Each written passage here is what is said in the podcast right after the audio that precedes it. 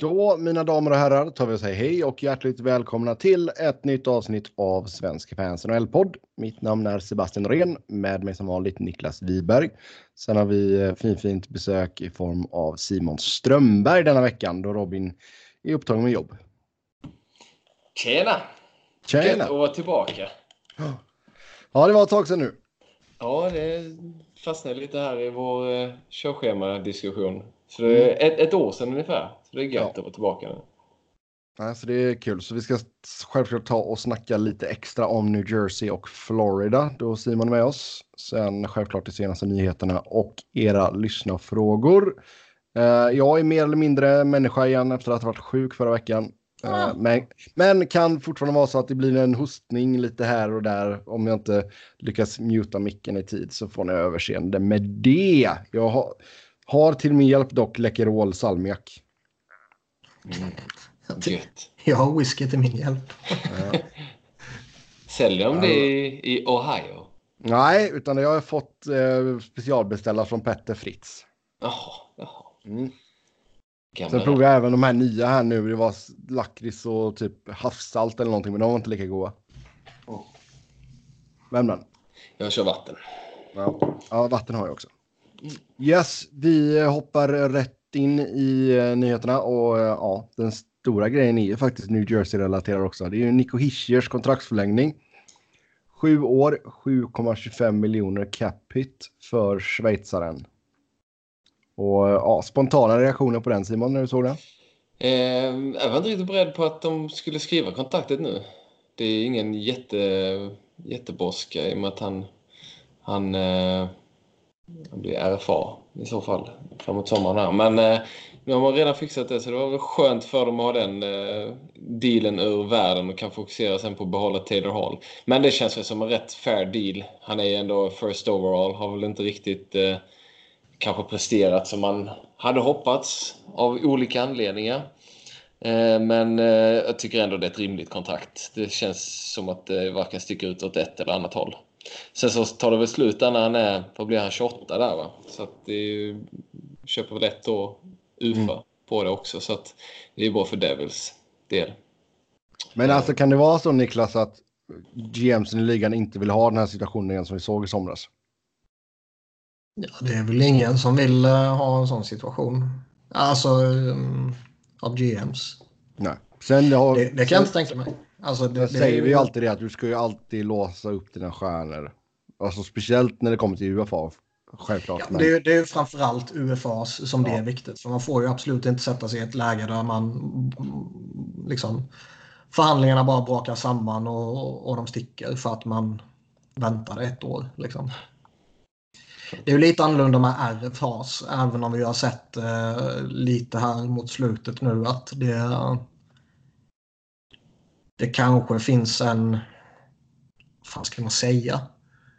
En, eh, en desperation är väl ett starkt ord, men någonting ditåt för att eh, deras kontrakt inte heller ska gå ut. Och oftast är det ju så att är det en stjärna eller en talang eller någonting så vill man ju vid många tillfällen förlänga när man får förlänga, det vill säga ett år i förväg. Ja. Det här kontraktet är väl... Det vill väl till att han tar det där klivet. Ja, men samtidigt så... Alltså Han kan ju 7,20 Ja, ja, alltså det, jag har, väldigt svårt att tro att han inte ska leva upp till 7,25. För idag är Ja. inte det jättemycket. Låt säga bara för tre fyra år sedan så kändes det ju som att 7,25 var ju rätt hög siffra då. Ja, men idag så ligger ju motsvarande kontrakt på, på över 10 liksom. Så Mm. att det känns ju ändå som att det, det ska inte vara några jätteproblem att, att bli en 7,25 miljoner spelare för Hischer. Sen vet man aldrig givetvis och då är man uppblåst. Men, men, eh, men det, Vi har ju sett lite liknande sådana här kontrakt eh, också. Mm. Eh, Connor signar ju något liknande och fan heter sopan i Arizona? Eh, Clayton Keller. Clayton Keller. Så de signar ju där omkring 7-ish liksom. mm. Så det är väl Ja. någonstans satte väl det marknaden typ också. Ja.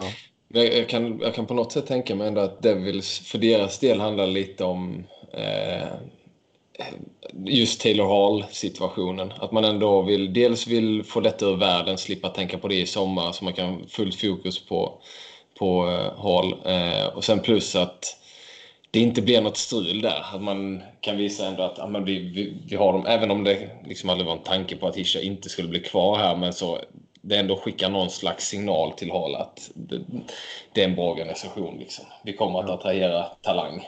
Uh, inte, inte bara under tvång. Jag tror vi, eh, eller tror, jag vet att vi kommer till det så småningom.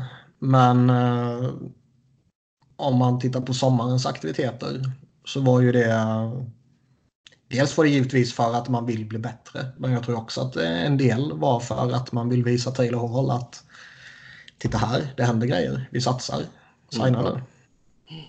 Ja, definitivt. Helt sant, helt sant. Men vi kommer till det lite senare. Liten tease där.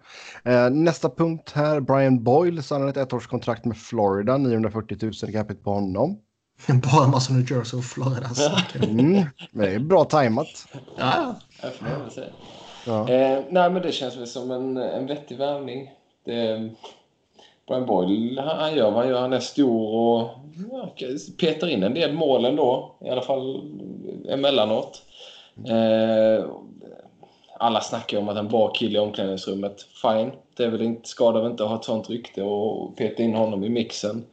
Eh, gör väl inga underverk, men eh, ger lite bredd på centerpositionen som framförallt nu då, när man såg rätt tydligt att Henrik Borgström kanske inte har tagit det klivet som man önskade hittills så, så blir Boyle ett, ett, mer, eh, ett, bättre, eh, ett bättre alternativ ska jag säga just nu. Mm. Så det känns som en vettig värvning och man går inte under för de 940 000 heller.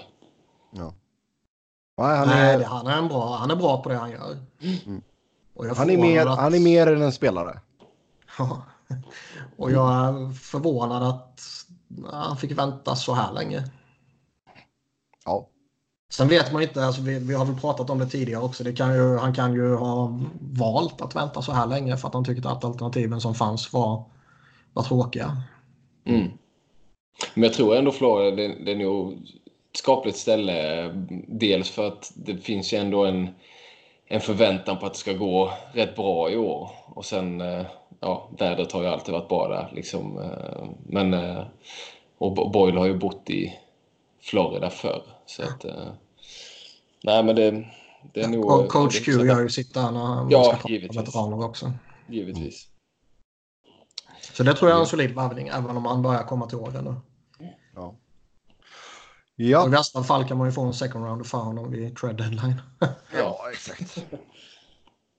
Helt, helt sant. Uh, ja, uh, Jonathan Eriksson uppsatt på waivers.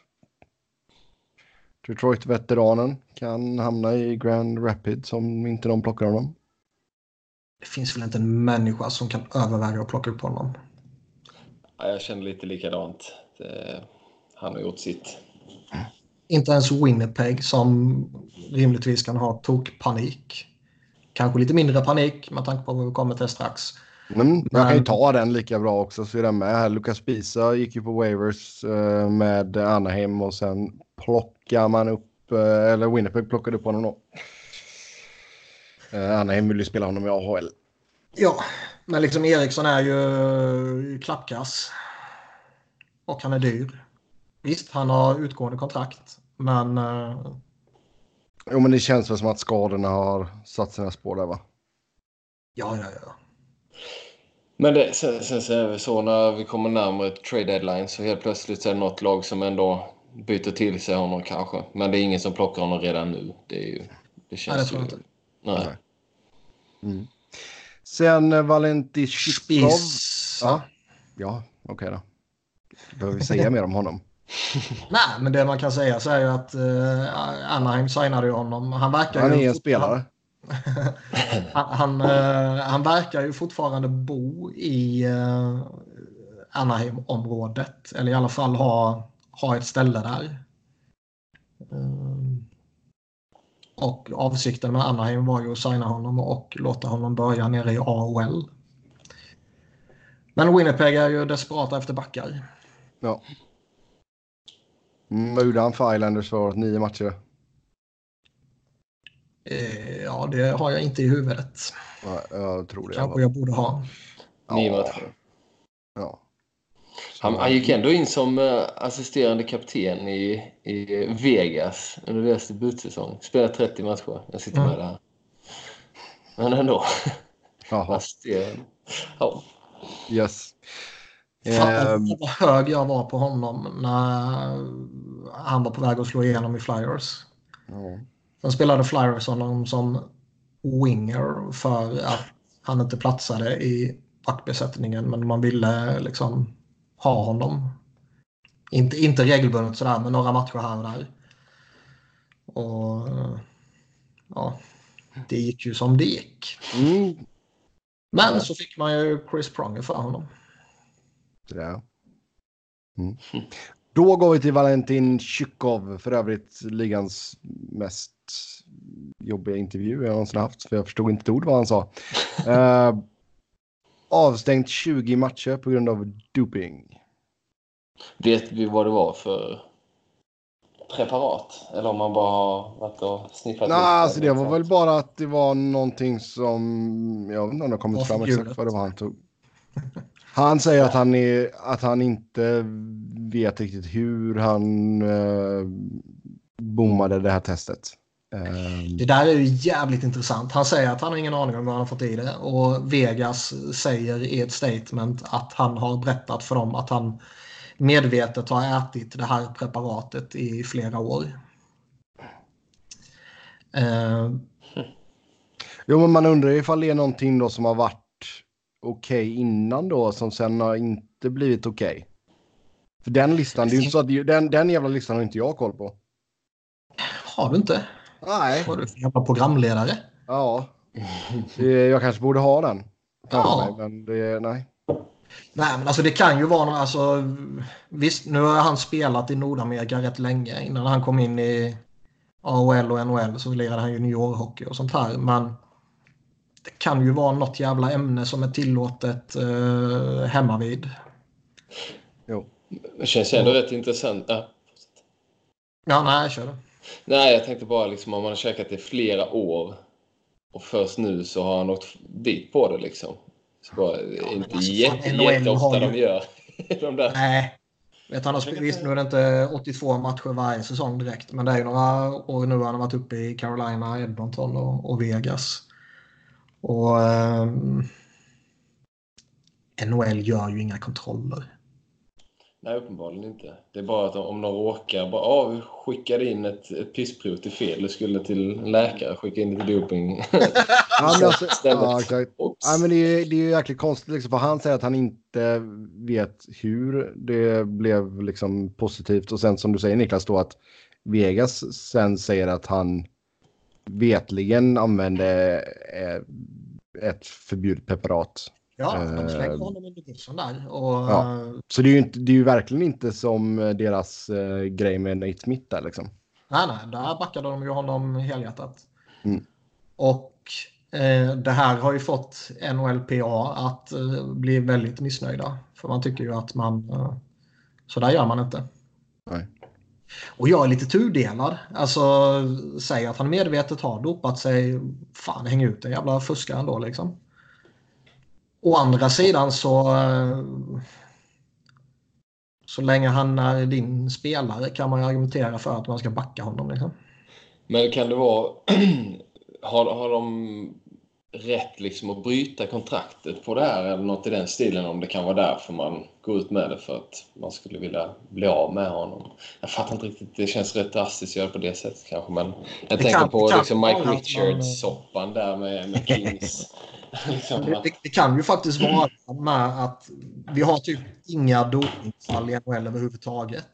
Eh, jag läste någonting om att det var typ fem eller sex. Ja, Han är den sjätte sedan eh, 2013. Ja, och eh, nästan hälften av alla dopningsfall är i Vegas. Men då är frågan, vad, vad är med på den här dopinglistan? Är det liksom även kokain? Nej, Nej, för det, det är Nej ju, det är det ju inte. det är ju Nej. inte dopingpreparatsklassat utan det är ju... Okej. Mm. Substance abuse. Ja, det var ju det Kuznetsov åkte dit för. Mm. Men, men det kan ju faktiskt vara att man känner att fan, nu har vi två spelare på kort tid som åkt dit för doping. Ja. Eh, fan, det här måste, det här måste vi hänga ut liksom. Annars kommer det... Annars får vi den eh, att det, att det är vi som sköter detta. Ja. Ja. Däremot är det intressant med den här Richards-kopplingen du var inne på tidigare. För det, det finns, eller kanske fanns, jag vet inte om exakt hur de förändrade, men det fanns ju någon sån här väldigt luddig eh, typ bisats i kollektivavtalet att man typ om spelarna inte är professionella och sköter sig, inte exakt de orden, men i den andemeningen, så kan man typ riva kontraktet. Mm. Eh, och det var ju typ den meningen som Dean Lombardo och company eh, hänvisade till när man skickade Richards åt helvete. Och då gjorde då li- ligan typ tillät ju det med tillägget att vi accepterade den här gången men aldrig igen. Mm. Eh, Vilket så, är väldigt märkligt. vilket är jättemärkligt. Liksom, antingen är det tillåtet eller så är det inte tillåtet. Ja. Eh, en gång. Men sen får ingen annan får använda detta. Liksom. Ja, nej, och då, eh, eftersom jag har väldigt starka känslor för Mike Richards så hatade man givetvis stenhårt eh, LA och kommer alltid göra det sedan dess. Och även på ligan givetvis som är en jävla clownliga på många sätt och vis. Mm. Men eh, jag vet inte om det kan ju varit att de strök eller justerade eller någonting den där regeln då liksom. Att, eh, med tanke på att de gjorde det här konstiga att vi tillåter det här men aldrig igen. Eh, Ja. Men Jag vet inte, det spontana känslan är ju att oj, nu har vi haft två dopingsfall här. Vi, det ser inte bra ut för oss. Nu hänger vi ut spelaren. Han är inte så viktig för oss ändå. Ja. Minns ni vem det var där 2013 eller? För, för jag kommer ihåg att Sean Hill åkte dit för doping, men det måste varit längre sedan. Jag har ingen aning vem som var den första där. Nej. Det är, Niklas, du får göra någon jävla Google-sökning här snabbt. Ja,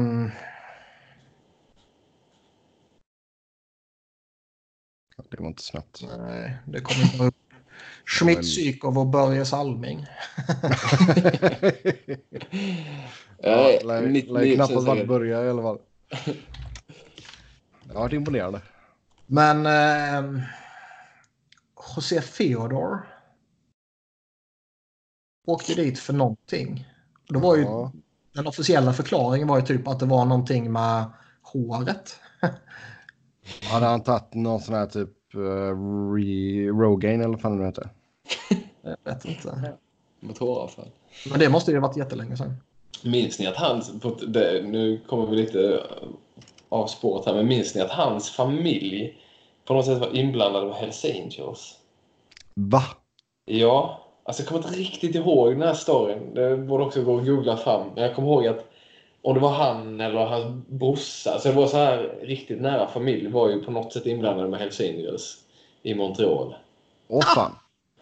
Ja, alltså kolla detta. Det, det borde ju gå att googla fram rätt snabbt. Men jag har verkligen för mig att det var, eller om det bara, det kan bara vara rykten liksom. Men, eh, Uh, ska vi se. I, i, i.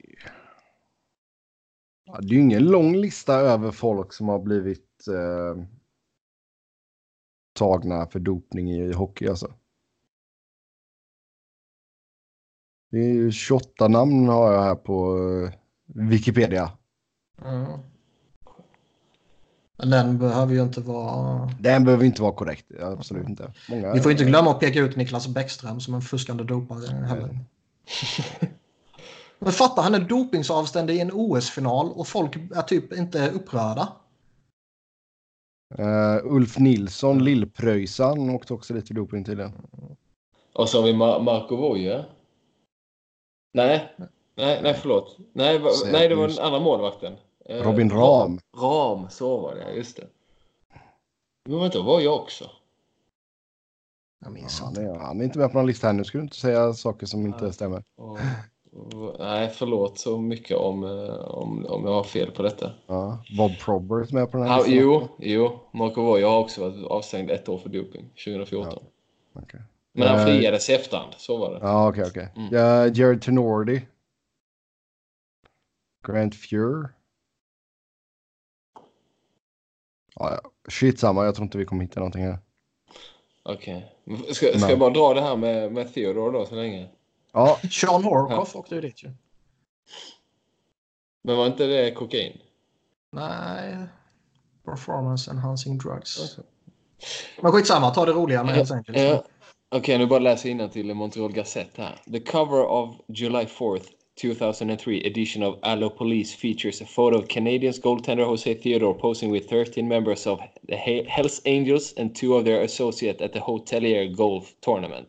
Bla bla bla. Theodores pappa, fyra halvbröder och en farbror tillhörde 16 arresterade eh, 16 personer som blev arresterade den 18 juni det året efter att polisen gjorde en crackdown på en alleged loan sharking ring operation in Montreal Casino.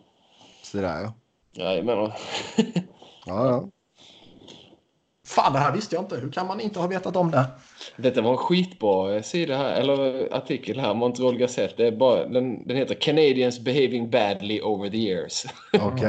Jag Ja. hittade den här nu också. Den får jag... eh, Läsa Jag kanske inte ska läsa den nu, men jag kan läsa Nej. den senare. Ja, jag tänkte säga det. Det kan, kan vara nästan värt. Vi får göra någon eh, sån här specialpodd. Alla, eh, någon sån här podd-dokumentär. Aha, Peter Dokumentär. Ja, exakt. Ställ in det till dem. Ja. ja det var kul. Eh, ja. Eh, nu har jag helt missat vart vi är på körschemat här. Uh, ska vi se. Om jag kan få upp Carolina, kolla läget. Jag kan få upp det igen här. Nu är vi där. Uh, da, da, da, da. Där är vi. Carolina kollar läget med Jesse Puljujärvi och Josh Hosang. Mm. Ja, Sen är ju- skulle jag ha en, en topp Det är ju 9 forward till. Två, helt okej. eh, två helt okej spelare att ta en chansning på. För rätt pris, såklart. Ja, det kan det ju vara. Alltså båda två är ju givetvis högintressanta. Eh, beroende på vad man får betala för dem. Mm. Jag kan tänka mig att Hosang kommer nog inte kosta överjävligt mycket att trada till sig. Men Ja. Puljujärvi kommer man ju inte få billigt. Nej, Nej, det Men, är eh, det är sant. men det är väl bara ett draftval egentligen fortfarande. Det är klart att det blir ett högre draftval för Puljärvi. Bör det ju bli, men det känns ju ändå som att det, det är ingen rosterspelare du ger upp. Nej, det tror jag inte. Men eh, en annan prospect kanske. Ja.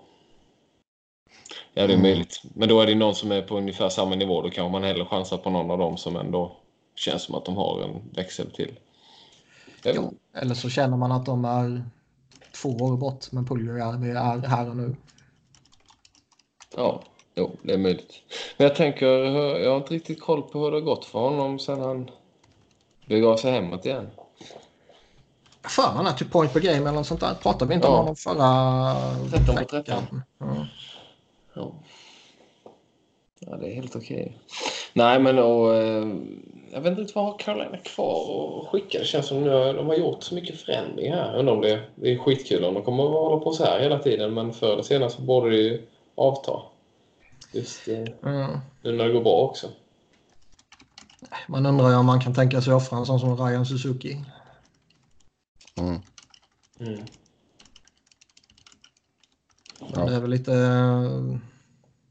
Det är lite som Simpa var inne på där att visst nu kanske man inte kan testa han av uppenbara anledningar och sådär bara men eh, varför inte testa något av sitt eget? Ja, Mm. Å andra sidan känns ju Keynes eh, helt klart som eh, en, eh, en organisation som tar den här chansningen. Jo. Men de är inte i en position där de nödvändigtvis behöver göra förändringar. Och det tror jag liksom, eh, det har varit en annan grej om man återigen hade legat liksom i botten av tabellen eller om, ja men Jo, låt säga två år tillbaka. Men nu finns det ingen jätteanledning att, att göra en sån chansning. Framförallt inte om det kostar dig ditt första rundeval från i somras liksom. Så du inte har någon anledning att ge upp på egentligen. Mm. Ja. Sen Jonathan Quicks framtid i LA nämns som allt mer osäker eh, efter att ha varit helt fantastiskt dålig i öppningsmatchen så eh, har han ju faktiskt haft ett par matcher där han sett helt okej ut.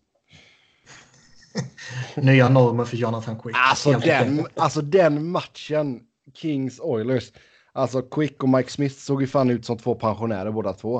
Eh, men eh, båda två har ju spelat helt okej här de senaste matcherna faktiskt. Till och med varit above average. Oj, oj, oj. Mm. Ehm, men man ser ju på, på Quick att han har ju spelat upp sig något fruktansvärt. Han har ju gått från typ 70% i räddningsprocent till 84 procent. Och hans goal against average har ju gått från typ 7 till eh, 4,44. Det är contender status. Det finns två raka vinster. De bara ja nu cashar vi in. Nu cashar vi in på Quick, liksom. Mm. Eh, nej men alltså det. Jag minns inte vem det var. Jag tror det var Elliot Friedman som nämnde det här i sin, eh, de här eh, 31 tankarna. headlines. Nej, headlines som de kör på Headlines, lördag-matcherna. Ja. Ehm, och det det är känns- snack, snacket liksom att eh, nej, men han är snart utkonkurrerad. Liksom. Ja, alltså jag tycker P- Peterson eh, ska ju inte stå och stampa i AHL för länge. Campbell eh, också liksom på en nivå där han kanske borde få chansen som starter liksom. Jag ser ju hellre att P- Peterson och Campbell bara får battla om det. Än att Quick bara ska stå på gamla meriter. Så jävla, så jävla spännande hur du ändå har svängt från att försvara honom in i döden. Eh, när jag och Robin helt korrekt ifrågasätter honom genom alla år. Nej, nej, nej. nej. Och, och nu är du liksom, nu hatar du Då på honom mer än då, var ni ju, då var ni ju för elaka. Vi är är liksom aldrig överdrivet han- elaka bara för att göra en poäng av eh, själva saken. jo, Nej, nej, nej. Det är inte, så är inte jag. Det är liksom, han, hade, han hade ju en prime där han var jävligt bra, speciellt under slutspelen då och speciellt det första. Han hade Eh, en prime i, eh, som sträckte sig över ett slutspel. Han var, han var bra var han under ett tag och då blev det mycket hype, visst. Eh, ni gav mycket hat, oförtjänat mycket hat. Och då försvarade jag honom. Eh, för under en kort period så var han en av ligans bättre målvakter. Sen var han medelmåttig. Sen var, han, sen var han medelmåttig och nu är han på väg ut för med raska steg. Ja, nej, Men vem, ja, alltså, vem ska ta honom? Det är ju det som är grejen också. Precis, det det är det. Så pro- problemet är väl inte huruvida Kings vill ha kvar honom eller inte egentligen. Utan det är bara vem skulle ta emot honom. Och Jag ser inte att, jag tror inte Columbus kommer att avvika från den vägen man har valt här nu med Korpisalo och Mer Merslinskis. Merlikins. Ja, Elvis. Elvis. Ja. Nej, nej. Det är väl lite för tidigt för att avvika från den vägen känner jag. Ja. De är, de är ändå omkring strecket där nu liksom. Mm. Skulle de göra kän- tre poäng som åtta, va? ja då kanske Columbus gör något panikartat. Men eh, Det känns ju länge man är med där så tror jag man ger dem fortsatt förtroende. det känns ju som att du behöver en skada, alltså en ordentlig skada på en målvakt som kanske sitter på utgående kontrakt för att det ska hända någonting. Jag ser ju inte att eh, nu är väl inte, nu vet inte jag exakt hur illa ställt det är med Devin Dubnik. Det är väl inte jättefarligt va? Um, Vet ej. Nej. Nej, day to day står det bara. Ursäkta. Men jag ser ju liksom inte att Minnesota skulle gå efter honom direkt. Nej, inte ens om, låt säga att han skulle, Dubnik skulle vara borta för resten av säsongen så går de inte efter Quick. De har ingenting egentligen att, att offra för. Ja, det är om de skickar ett dåligt kontrakt mot ett dåligt kontrakt. Men, eh, men det tror jag inte Kings är intresserad av. Då Nej. sitter man ju hellre på honom. Mm. För Minnesota är inte heller i en situation där de, där de eh, egentligen har, har något, De kommer inte gå till slutspel som det ser ut just nu. Nej. Eh, nej. Och det är de nog skapligt medvetna om. Nu fick de ju upp Capo Kakkonen också. Ja, precis. Får vi se om, om man kan göra något spännande. Ja. ja den målvaktsduon känns ju ganska...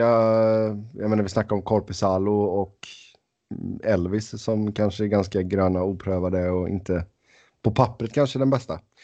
Nu har man, vad är det, Alex Daylock och Capo Ka. Konen. Käk. Men... Mm. Ja, nej, det, det, är inte, det är inget skräckenjagande direkt. Men det är ju tyvärr så. Jag, jag tycker det är synd för Minnesota, ett sånt lag som man... Jag hade gärna sett att det hade gått bra för dem. Och det är ju typ ditt tredje lag. Ja, jo men typ. Ja, jag gillar alla de här tråkiga lagen som alla andra tycker är tråkiga. Det är lite spännande. Bara, åh, shit vad gött. Men, men, eh, ja, men det är liksom ändå en hockeystad och det, publiken liksom, vad var de sålde slut i typ tio år från att de kom in i NHL. Liksom bara det, det, Mm. det är kul om det går bra där men, men eh, nej, det ser riktigt tråkigt ut även om man skulle ha en supermålvakt. Ja. Uh, yes. Eh, vad har vi sen här? Toronto vill släppa Nick Petan. Petan. Man vill typ ge honom speltid, är väl snacket som går. Men han var ju spännande för några år sedan.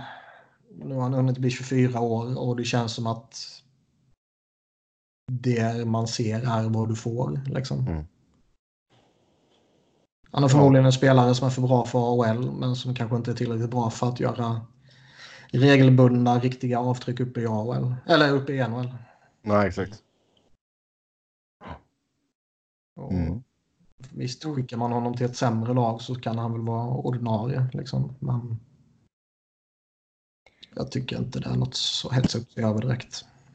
Nej. Nej, det är plus minus noll egentligen för, för Toronto. Alltså det är, det är en dussinlirare. Ja. Nej, det är helt sant. Yes. Sen... Eh, när vi ändå så var inne lite där på eh, Minnesota. Så jävla dåligt programlederi att du inte eh, liksom, hittade den segwayen. När vi var, Ja, jag vet, så- jag vet, jag vet. Men jag höll på med något annat där så hade jag inte körschemat framför mig. Men eh, Bill Guerin, lagets general manager, ska vara redo att lyssna på allt och eh, ryktas kunna offra en ung spelare för att bli av med ett dåligt kontrakt. Och sen, eh, ja, Jason Zucker kritiserade Bruce Boudreau. Det är ju faktiskt det mest intressanta. Ehm, med tanke på hur han blev hanterad av den tidigare regimen som försökte byta bort honom typ 50-11 gånger. Ja, Ehm, så kan man ju rimligtvis antala, eller anta att den relationen var skadad. Vi pratade lite om att Billy Gary när han kom in nu hade han hade lite relationer och, och lappa samman i Minnesota. Alltifrån i, i spelartruppen till, till, till liksom folk på kontoret. Mm. Och Mike Russo på The Athletic skrev ju en extremt intressant och väldigt initierad text om vilken jävla kaos det hade varit under eh, Paul Fenton. mm. ja Russo är jävligt bra när det kommer till Minnesota. Oh ja. Ehm, och det var ju... Ja, Sucker var ju en del av det. liksom. Sen verkar det som att Fenton och Boudreau var ju inte några polare direkt. Och han ska ju hanterat Boudreau. Han ska ju försökt sparka Boudreau flera gånger om. Och eh, han har sparkade hans polare och assisterande tränare typ. Så nu kanske inte Boudreau var på eh, Fentons sida när det kom till alla Sucker trade-försök. Nej, man kanske inte var tillräckligt mycket på Zuckers sida. Nej, så kan det också varit liksom. Och ligger det någonting bakom det då är det ju alltid skoj att, alltså det här utbrottet då. Mm. Eh, Där han, nu minns jag inte exakt vad han sa, men han sa typ att det är för dåligt, allting är för dåligt. Eh, Bruce är för dålig, Bruce måste vara bättre. Och jag tror att man överanalyserar lite. Eh, För det, jag tror det är liksom att någonting man slänger ur sig i stridens hetsar liksom för att påpeka att alla är liksom... Alla måste, ja exakt. Ja. är- Det här är allas ansvar. Eh, och sen råkar man liksom slänga ur sig ett namn istället för att säga ja, formulera sig på ett annat sätt. Liksom. Ja. Jag tror det är så, men det är givetvis eh, skoj att spekulera. Och Det är därför vi gör den här jävla podden. För att Ja. eh, hitta alla konspirationsteorier. Och, Mm. Jo, men alltså för det känns väl inte som att man har hört mycket eh, liksom, dåligt snack om Bruce innan liksom. Nej, men ja, jag tenderar väl att tro som du förklarade egentligen Wiberg. Eh, att att det, det var nog bara ett slumpmässigt namn. Liksom, bara att det är inte bara det, det gäller oss alla. Liksom, att det var så. ja. Så att, eh, men det, det är väldigt tråkigt att bara konstatera det. Ja. eh, men men det, det styrks ju av det du säger egentligen. Visst, man har snackat om att han hänger löst, men det är mer på grund av prestationerna, inte för att spelarna har gått ut och gnällt på att de inte gillar honom eller något sånt. Eh, Nej, Kan, sen kan det vara så här också. Han har varit där rätt länge nu. Mm. Det här är ju fjärde eller femte säsongen. Det är rätt lång tid i dagens NHL. Jo, det är klart det. Jag menar liksom självbilden av alltså Minnesota verkar fortfarande ha, i alla fall från ägarhåll, att man ska vara med och utmana om slutspel och sådär. Eh, och visst, det har vi väl sagt att det får man ju försöka göra så länge man har Sutter och, och Parisi. Ehm, men jag, jag har för mig att jag tippade att Bruce skulle vara första som tränar som rök. Men Gurra sa väl rätt nyligen att eh, det är liksom ingenting som är, som är jätte på gång. Men det är klart han säger det. Jo, förvisso, men jag tror också på något komma in som en ny general manager. Han inser också att, att i år, alltså det är, det är egentligen inget att satsa på. Att, vad, ska de åstadkomma? Det bästa är ju att gå för sista platsen egentligen. Eh, och försöka bara rensa upp skiten som är där just nu. Eh, och finns det någon anledning då att sparka Bruce eller liksom coachen? Inte egentligen. Nej. Eh, om du inte har någon superbra ersättare, men det är liksom inte det, så. Han har varit på jobbet så kort tid så att det finns väl ingen, ingen som man kan ha tänkt ut redan nu. Nej, nej, det är helt sant. Ha, då tar vi och hoppar in på våra två större ämnen här med Simon. Vi börjar med New Jersey. Mm. Och eh, ja, om vi tittar på statistikraden just nu.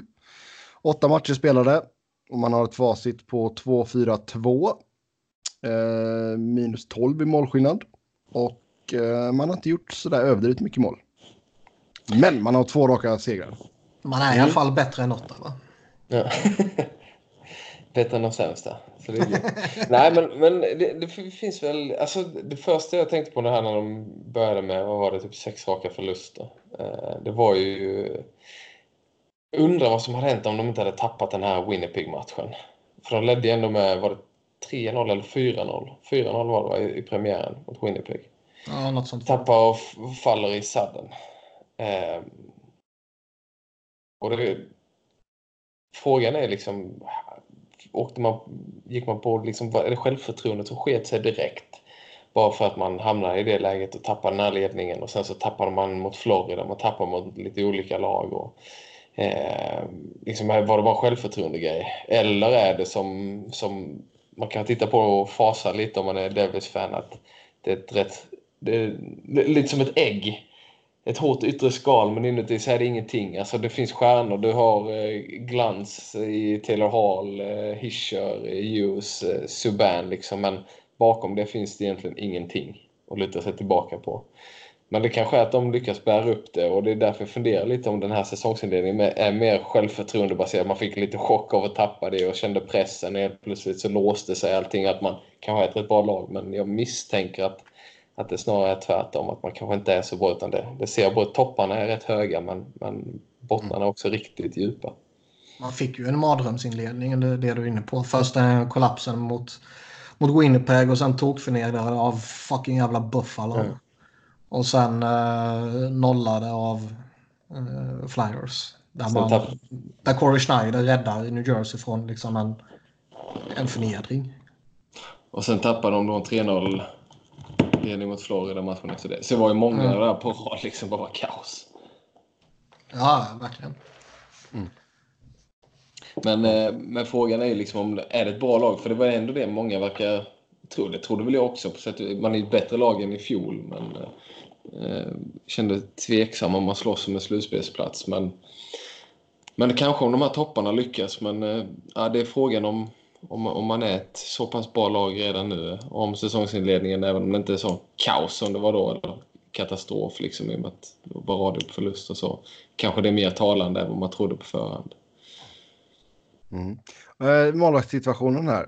Corey Schneider och Mackenzie Blackwood. Mm. Det är väl ändå Schneider, eh, Schneider som är tilltänkt första målvakt.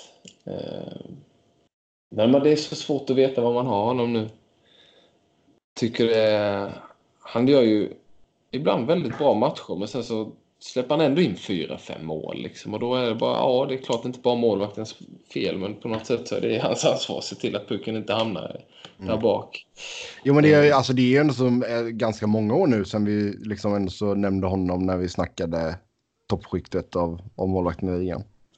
Ja, och sen så har det väl gått rätt snabbt ut för på grund av skador framför allt. Men det är ju också rätt typiskt där. Men eh, det gick väl snabbare än vad alla hade förväntat sig egentligen. När skadorna väl började komma så rasade ju totalt egentligen. Ja.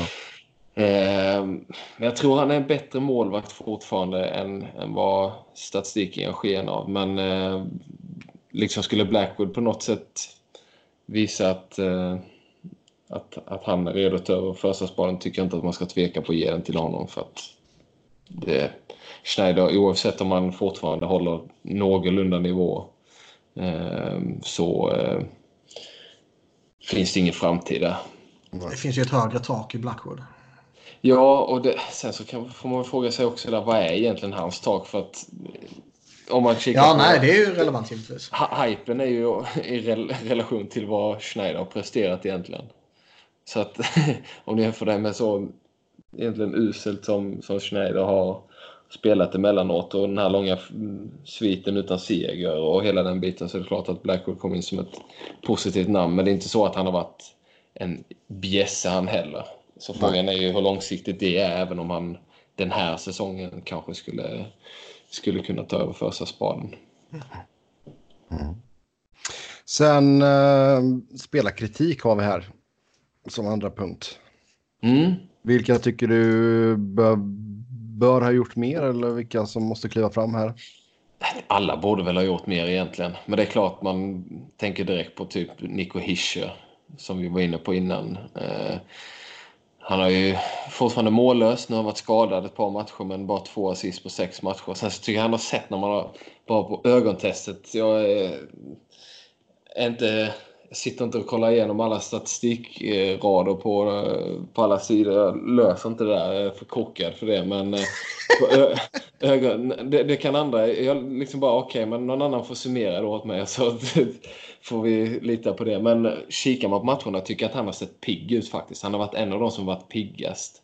Eh, samma med Jack Hughes. Eh, men sen så har ingen av dem fått någon direkt utdelning. Och i Hughes fall så tyckte man lite synd om honom. I Hischer så är det mer frustrerande för det finns ju ändå någon slags oro i och med att det inte riktigt har lossnat sen han slog igenom. Eller sen han slog sig in i NHL i alla fall. Mm. Eh, så finns det en viss oro. Att, jag har Nolan Patrick. Ja, eh, och det, det, är väl det enda som, som får detta att kännas rätt gött. För att just nu, för att Patrick har varit betydligt sämre. Men det finns också sina anledningar. Men det, det är för mig i alla fall när jag sitter och funderar på det så tänker man inte Hischer som en liksom, det känns inte som att han kommer att bli den här drivande kraften bakom ett vinnande lag eh, som, som kan lyfta ett, en hel klubb liksom. Jag tror redan man, det har infunnit sig den känslan utan det är någon Ryan Nugent Hopkins variant liksom. Det är inte Jakubov. Nej, jag håller med.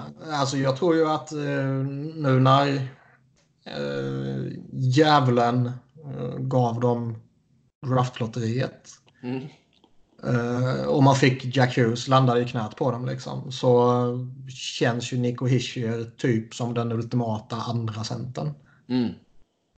När man tidigare var lite sådär, kan han verkligen leda ett lag som första center så uh, har ju en, liksom en målbild och kravbild på honom har ju förändrats helt och hållet om man mm. får förutsätta att Jack Hughes kommer bli vad typ alla förväntar sig att Jack Hughes kommer bli. Mm. Jag är dock för dålig på, på eh, talangerna, alltså de som inte har kommit till NHL. Nu är ju Hughes i NHL nu, men det är svårt att bedöma honom på, på är det, åtta matcher eller någonting. Eh, men det, jag har liksom ingen riktig uppfattning om, om hur bra han kan bli. Men vad, vad det tycks av de som förstår sig på det där bättre så ska han ju bli bra. Liksom. Och som du säger, jag tror det kan vara rätt skönt för Hischer också att slippa kanske bära den för att det, det är rätt tungt att försöka dra det lasset själv när man är så djupt ner som New Jersey har varit. Ja. Jag tycker ju Hus eh, under inledningen här, man har ju sett att han väger alldeles för lätt. Eh, motståndarna kan ju slänga honom lite som de känner för ibland. Och, mm. eh, det, det, är ju liksom naturligt. Han har en liten kroppshydda. Det kommer ta lite tid för honom att växa in i NHL. Liksom. Ja. Men jag tycker också man har sett extrem talang i honom. Han har stått för några sjukt fina prestationer. Absolut. Och, om man jämför de Hischer och, och eh, eh så, så att Hischer är också lite samma sak. Att han inte heller är jättestor. Man ser att han, han är liten i vissa situationer. Men skillnaden mellan dem tycker jag redan man ser att Hughes är så mycket kvickare. Och mm. Hischer skulle vara kvick, men, men eh, Hughes är liksom redan nu snäppet, ja men ett bra, man ser det väldigt, väldigt tydligt att han är betydligt kvickare i både händer, huvud och, och fötter än vad Hischer är. Så att han kanske kan komma undan med sin brist på, på fysik på ett annat sätt än vad Hischer kan göra på den högsta nivån. Liksom. Mm. Men vi får se. Oh, uh, Piqué Subban? Ja, vad ska man säga? Det... Han har inte varit katastrof på något sätt. Uh, han, han är vad han är. Det, man får ta det bra med det dåliga. Så är det. Och det var ju, jag har, jag har ett svagt minne av att du och jag har diskuterat han i någon podd innan han kom till New Jersey. Och där jag har försvarat honom och du typ har hatat på honom. Jag kommer ihåg att för länge sedan när, när man fortfarande skrev på det här forumet väldigt frekvent så hade jag en lång diskussion om honom. För det var typ när han var rookie. Så det är skitlänge sedan. Men det är möjligt att vi har. Jag... Eh, ja, men, du är ju känd som en liten hater och sådär. Ja, eller hur. Ja, eh, nej men helt ärligt, jag, jag har ju den typen av backar, det kan nog ha varit det man har fastnat i. Sen så eh, har jag liksom kanske aldrig köpt till fullo där man... Det kanske var en större alldeles... om, om backtyper. Ja, det, för ja. det jag haft. Ja, men just det här liksom vad, vad jag, jag anser fortfarande att en komplett back ska vara både offensivt och defensivt. Sen så med all statistik man har idag som jag läser men inte kollar på siffrorna mm. så, så har man ändå fått ändra sin bild lite och det, det ligger någonting i det. Men Problemet med en sån riskfylld back som Subban är när han inte är riktigt så bra som han en gång var, vilket han inte är längre. Mm. Då blir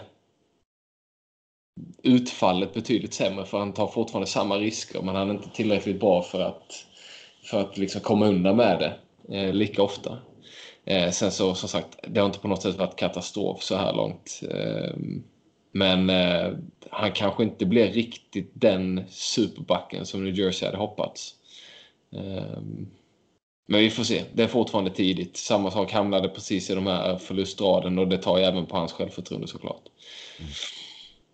Sen, jag är ju eh, lite förvånad över att uh, han på ett väldigt tydligare sätt inte har pekats ut som anledningen till kaosinledningen han har ju den stämpeln på sig. Han är den personligheten. Och mm. Det finns ju många gubbar i ligan, eller runt omkring i ligan, som, eh, som inte tycker om honom. Liksom. Mm. Och det där spexandet och, och grejerna han håller på med, att det ska vara distraherande och allt sånt där skitsnack. Mm. Så man är lite förvånad att han inte har... Ja men faktiskt. Han är typ... Don Cherry inte har svingat eh, hårt av helvete någon eh, Ja, men de har ju samma, samma snubbe som gör deras kostymer så att ja. de, de måste vara polare. Nej men jag förstår verkligen vad du menar. Det, det är helt sant. Eh, men jag tror lite att Nej, det, det, känns som att eh, alla i New Jersey är så glada över att bara ha en back som, som är bättre än Damon Severson. Liksom. så att eh, han kan ju, det ska ta, gå rätt långt innan han får för mycket skit, i alla fall från fansen. Sen är det ju faktiskt så att det, det, finns ju andra stories i New Jersey som är mer eh, betydelsefulla. Jack Hughes, att han kliver in i ligan och, och vad han gör. Det är liksom, alla kommer punktmarkera honom. Taylor Hall, vad händer med honom egentligen? Alla pratar om det hela tiden. Så folk kanske typ har glömt bort PK Subban. Ja, men det känns lite så. Det är lite inna, un, mer undanskymt i New Jersey. Framförallt nu när de varit så dåliga så många Ja. år. Eh, så du, du kommer undan med det på ett annat sätt. Hade detta varit... Hade Subban gått till Rangers och fått samma inledning. Eh, då hade det varit en annan sak. Eh, eller Toronto eller vad som helst. Men du lever lite undanskymt i New Jersey. Så att komma undan med det ett tag i alla fall. Och han, det, han har inte varit klappkass. Det är många som inte har presterat i detta laget. Så att, ja, finns det många anledningar till det. Alltså tittar man på siffrorna så är väl typ den enda som man känner har gjort det bra är väl typ kanske Blake Coleman och Kyle Palmieri. Palmieri tre mål på åtta matcher. Ja, det är väl fair. Coleman samma sak. Det är väl fair också. Nej, men, någon som är ändå lite överraskad över att han eh, eh, har fått så mycket förtroende i alla fall, det är Sacha.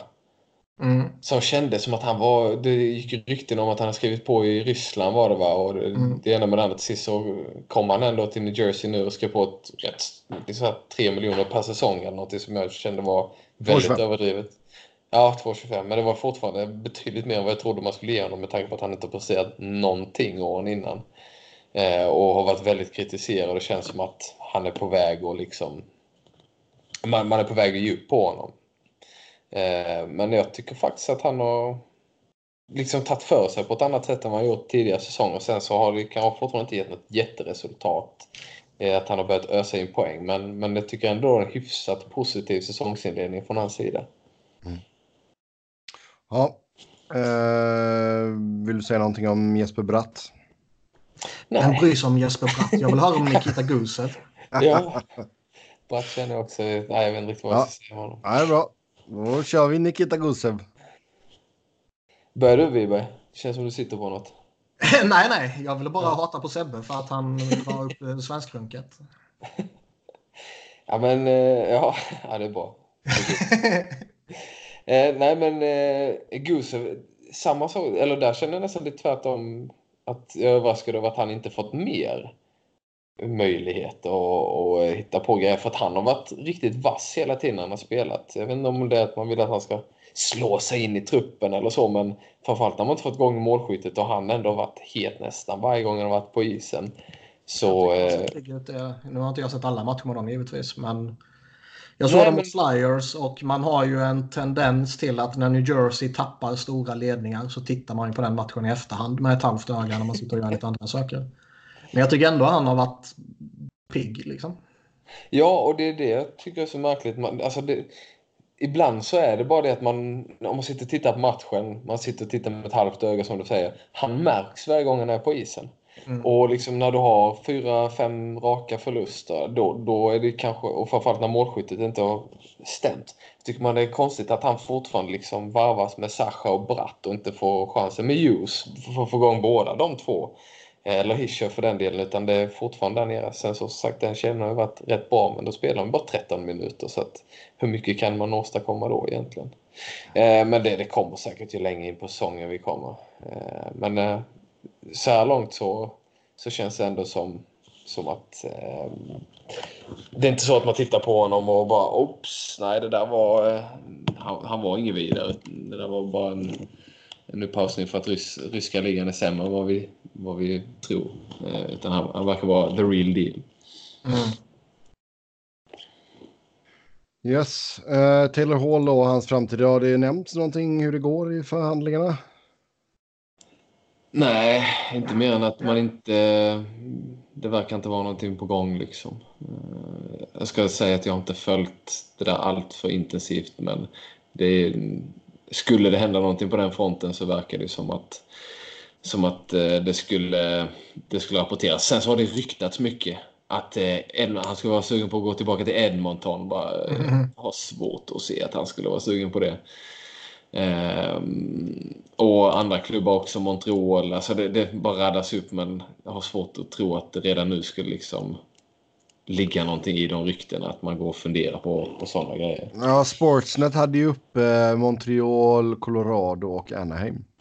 Ja, det känns väl som att alla de visst det, men jag tror du skulle kunna säga 30 lag i ligan eller 31 lag i ligan som skulle vara intresserade av att signa honom. Och liksom går inte New Jersey till slutspel och framförallt ligger man en bit ifrån och det börjar snackas trade och så. Alla kommer vilja ha honom och jag tror att han... Alltså det finns väl ingen som får en att tro att han inte skulle vara intresserad av vissa lag förutom de uppenbara som är tokbottenlag. Liksom, jag tror inte han är sjukt sugen på att gå till åtta va? men...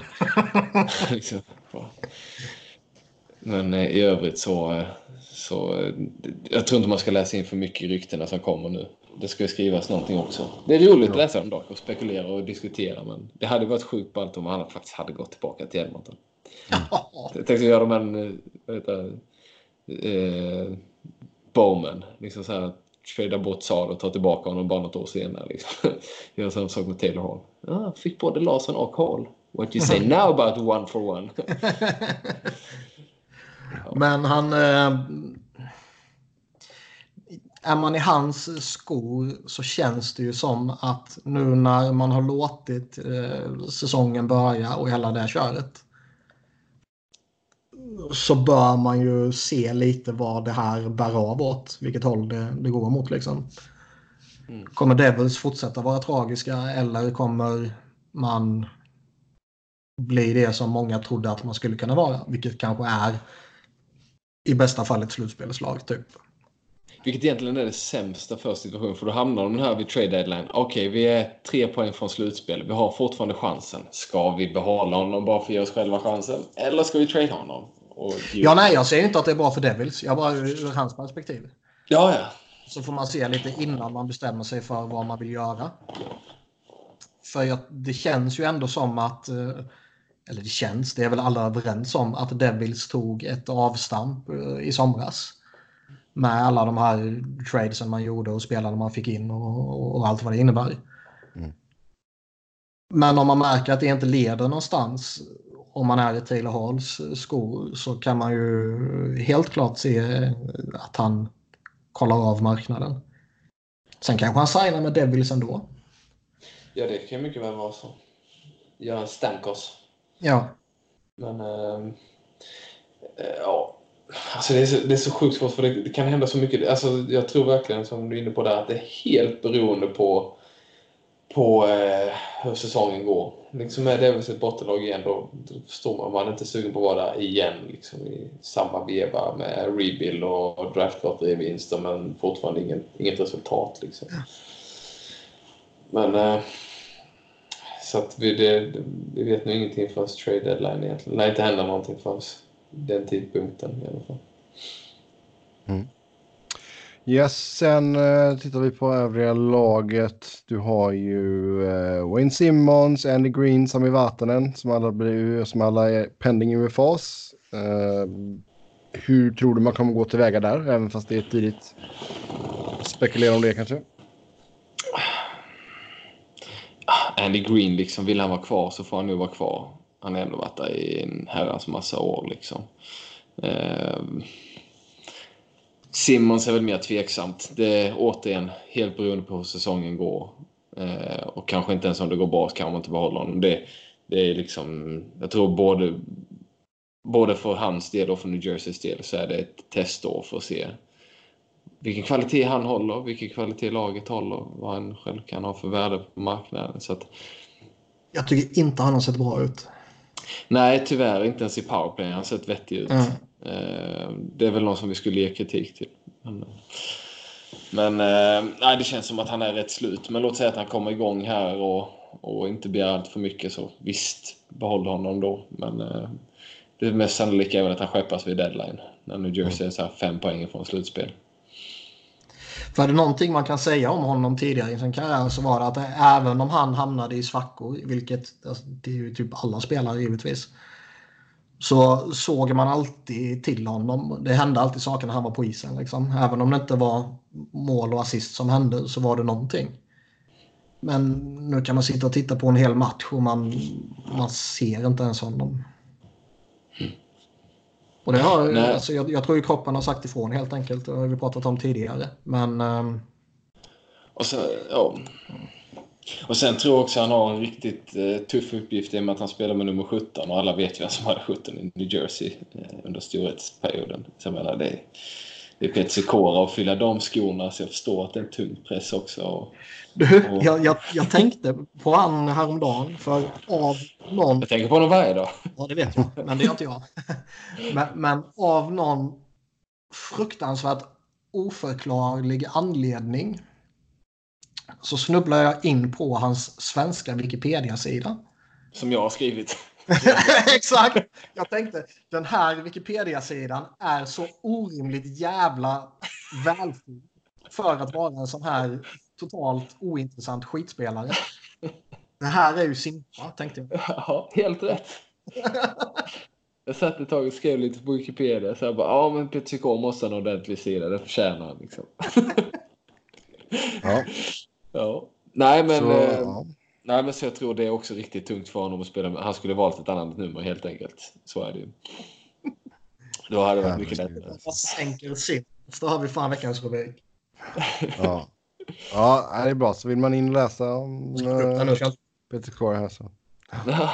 Nej, men, eh, men det finns många utgående kontrakt där eh, i, i klubben. Men fundera lite på vad, vad man ska göra med de här pengarna annars. Kan man locka liksom en fin UFA? Och, för det är ändå den vägen man får gå om man släpper liksom Vartanen och Simon och hela det gänget. Någon måste ju fylla på. Det finns ju fortfarande inte för mycket i att fylla på med underifrån. Även om det finns några, några spännande namn. Men det, ja, ja, det blir spännande faktiskt att, att följa just för att det finns ju lite namn som skulle kunna locka andra lag också. Det har det ju inte riktigt gjort innan.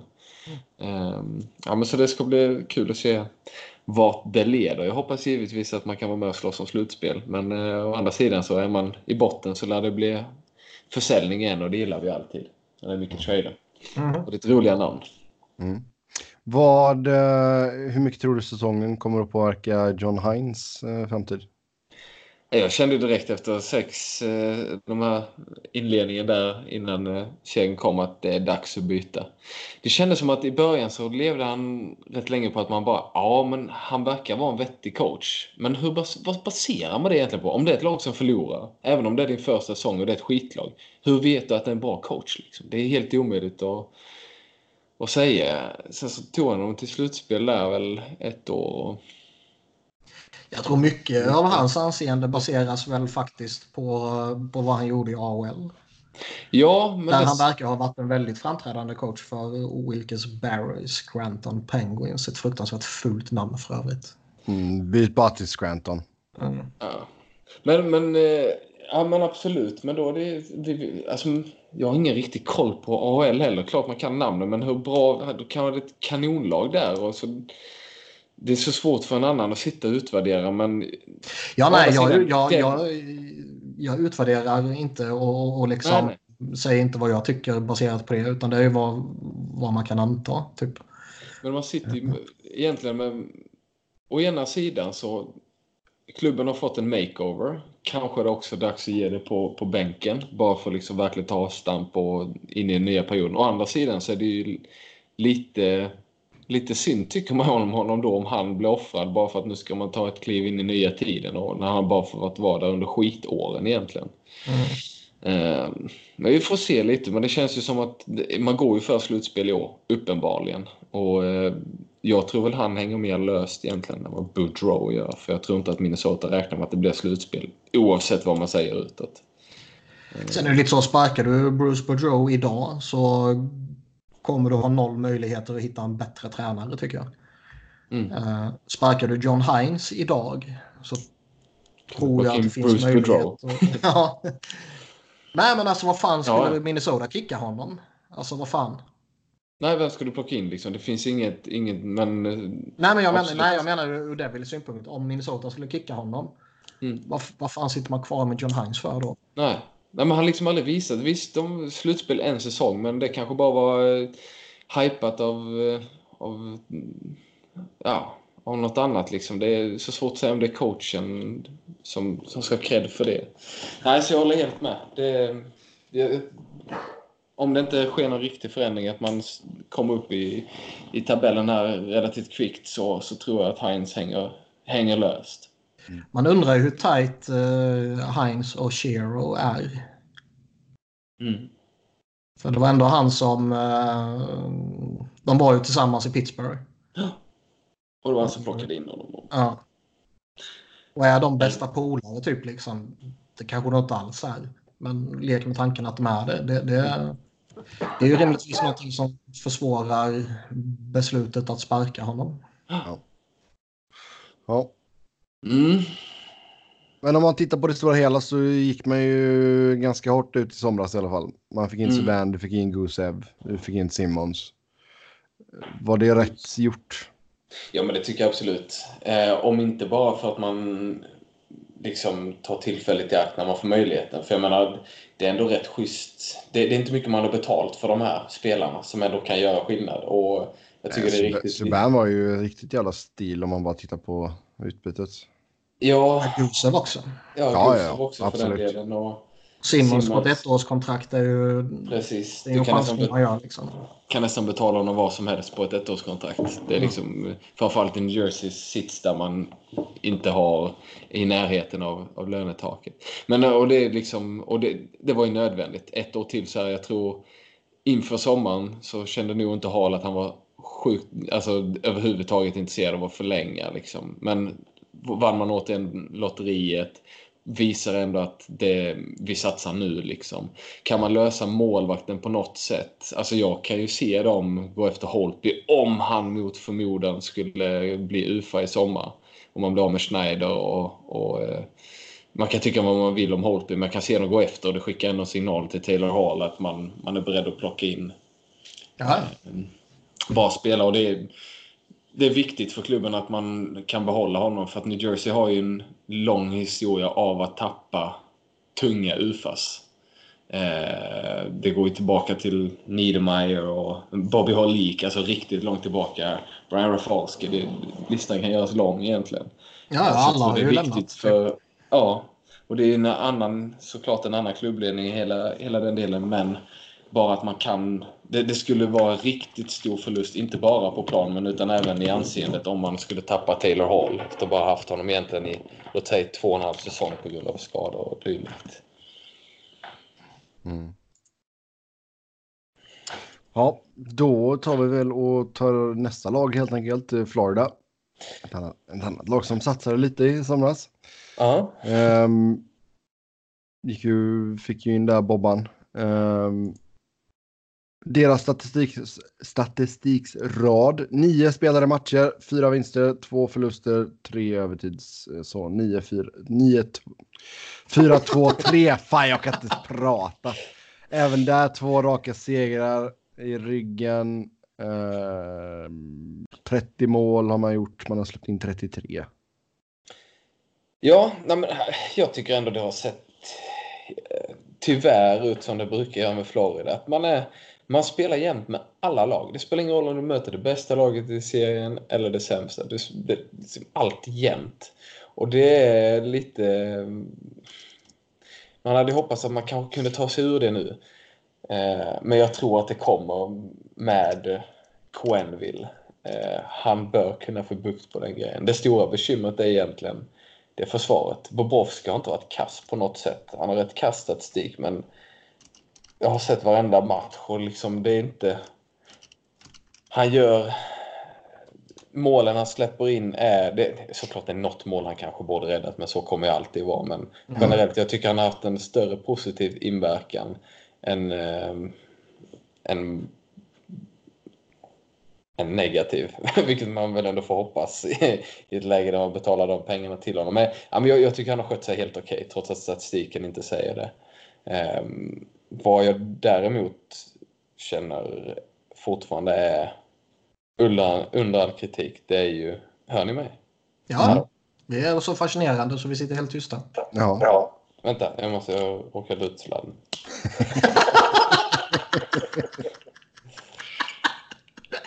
Tjena. Back.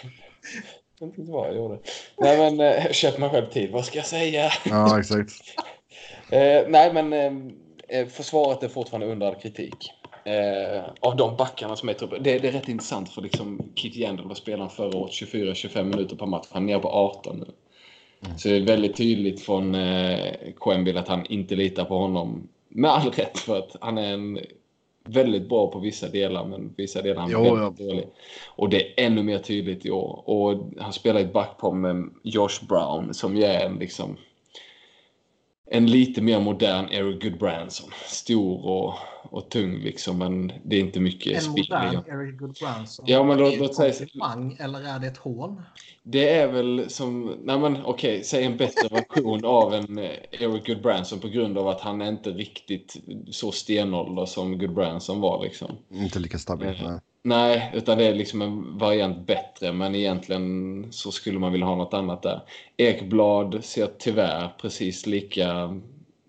Alltså det, det är så konstigt med honom, för när man bara tittar på varje individuell liksom så här eh, egenskap. Han är liksom inte dålig på skridskorna, han är helt okej okay på skridskorna. Även för att vara idag liksom, där det betyder mer än någonsin kanske att vara bra på skridskorna. Det är helt okej. Okay. Eh, liksom han är bra skott Eh, liksom, stabil passningsspel. Men det liksom, han får aldrig ihop det här utan det liksom, blir bara en medioker röra av allting. Eh, så att det är liksom tyvärr där han har börjat säsongen. Matheson har varit rent ut sagt kass, tycker jag. Det är liksom, framförallt i försvaret, mycket så här basala misstag.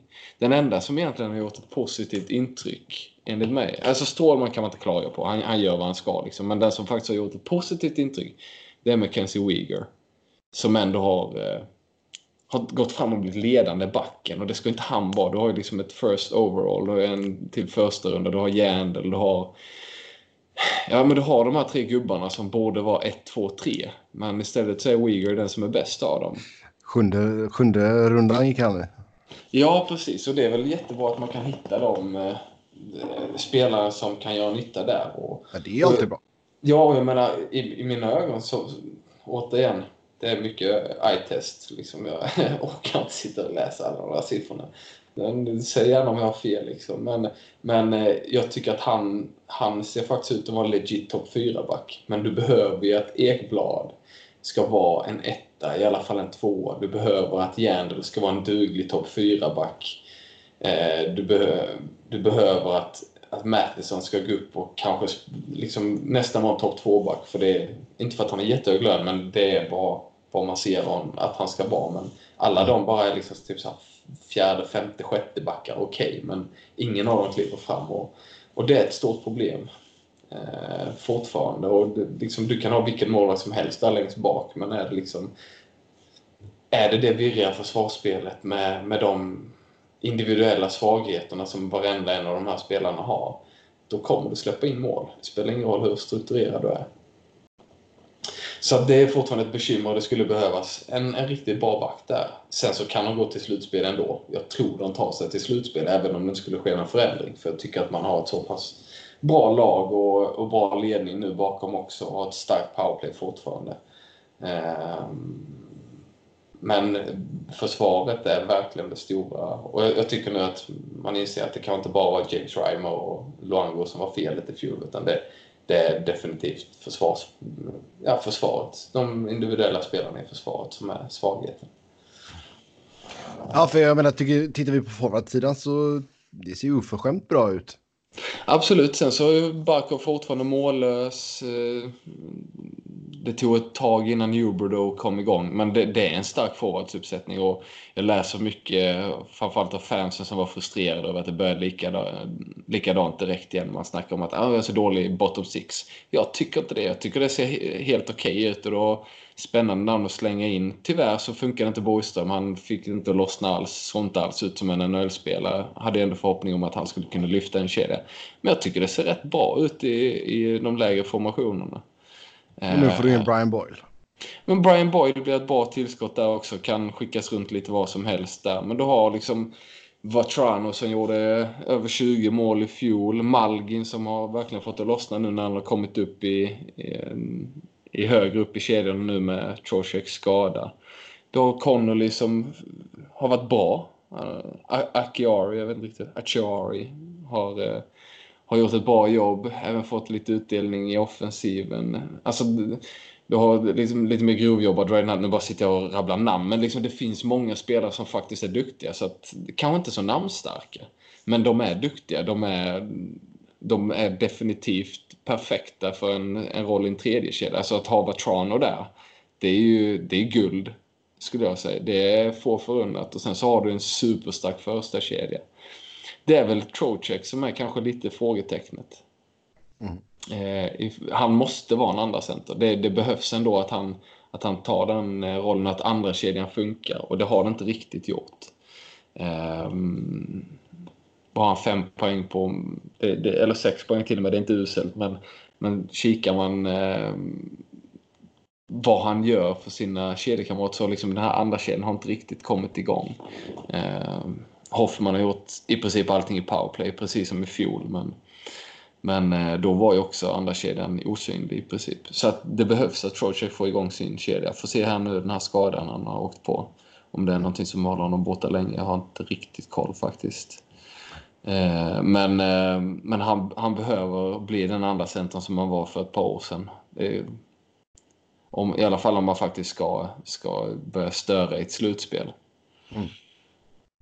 Ja, eh, Coach Q har ju kommit in. Eh, det är väl fortfarande ganska tidigt eh, för att säga exakt liksom, vilken effekt det har fått. Men vad, vad har du sett förutom till exempel och Keith Yandas istid? Jag tycker generellt att det kanske också beror på, på spelarmaterialet. Men han matchar inte första kedjan alls lika hårt heller. Senaste två säsongerna så har Barkov spelat typ 22 minuter per match. Spelar fortfarande mycket, runt 20 minuter, men man försöker jämna ut det. Eh, jag har också funderat lite på om det liksom är medvetet att han vill att första kedjan ska vara lite mer defensivt medvetna. För man har ändå släppt in rätt mycket mål den kedjan tidigare också. Eh, så man, för det känns inte riktigt som att de har fått... Antingen så har de fått lite hårdare tyglar eh, än vad det var i fjol. Eller så är det bara att de inte riktigt fått det att lossna i offensiven. Men jag tycker ändå att det känns som att... Som att... Eh, att det kanske har blivit att man försökt dra åt det lite, vilket är synd i så fall. Eh, vad jag mer tycker att man har sett, jag tycker det är väldigt märkligt att han har kört Mark Pysyk som forward i flera matcher. Istället för att ge Heponiemi eller Borgström ytterligare en chans. Liksom. Som man lirat Pysyk i, som ytterforward i en av och de andra kedjorna. För att Pysyk är inte en jättebra spelare. Inte en spelare som du absolut inte kan ha på läktaren. Utan han är... liksom, det, det, är en grej. Nej, men det, det, kan ju vara så ibland att liksom, okay, vi har sju sjukt bra backar. Så är det absolut ja. inte. Utan Pysyk är sämst av de här sju backarna som precis kritiserade stenhårt. Mm. Eh, så att, nej, jag tycker väl att, eh, att det är ett lite, eh, lite märkligt beslut. Men eh, i övrigt så jag har inte märkt några jätteskillnader. Men eh, jag förväntar mig att försvaret ska bli mer strukturerat än vad det var under Bugner. För jag tycker att han aldrig riktigt fick eh, kontroll på det. Men nu börjar jag tro att det kanske inte var coachen som var problemet utan det kanske är spelarmaterialet ändå. Ja. Eh, men generellt så, så, kanske lite mer åtstramat. Bugner han, han släppte hästarna fria igår, liksom. eller igår, förra säsongen. Det känns lite som att Quem vill komma att ha ett lite mer strukturerat eh, ett, ett, eh, ja, ett strukturerat spel över hela banan. Så vi får väl se vad det får för effekt på sådana som Mike Hoffman och, mm. Eh, och andra spelare som kanske lever lite på att ha den här fria rollen för att, för att producera. Kanske, blir, kanske inte blir några Förra säsongen var både Huber och Barkov över 90 poäng. Det kanske inte blir i år, men det är klart det är vinsterna som räknas. Om man jo, det är klart. Man tar Barkov som center i två, två ja. fantasyligor. Ja, exakt. um, om vi tittar på penning UFAs för Floridas del så är det Mike Hoffman, Evgenij Dadonov, mm. ja, Brian Boyle såklart i och med att han precis kom in på ett ettårs och sen uh, Mark Pysyk. Ja, eh, Pysyk lär inte bli, komma tillbaka. Eller Nej. det är väl rätt klart. Det ser ingen, eh, ingen anledning att tro att han skulle göra.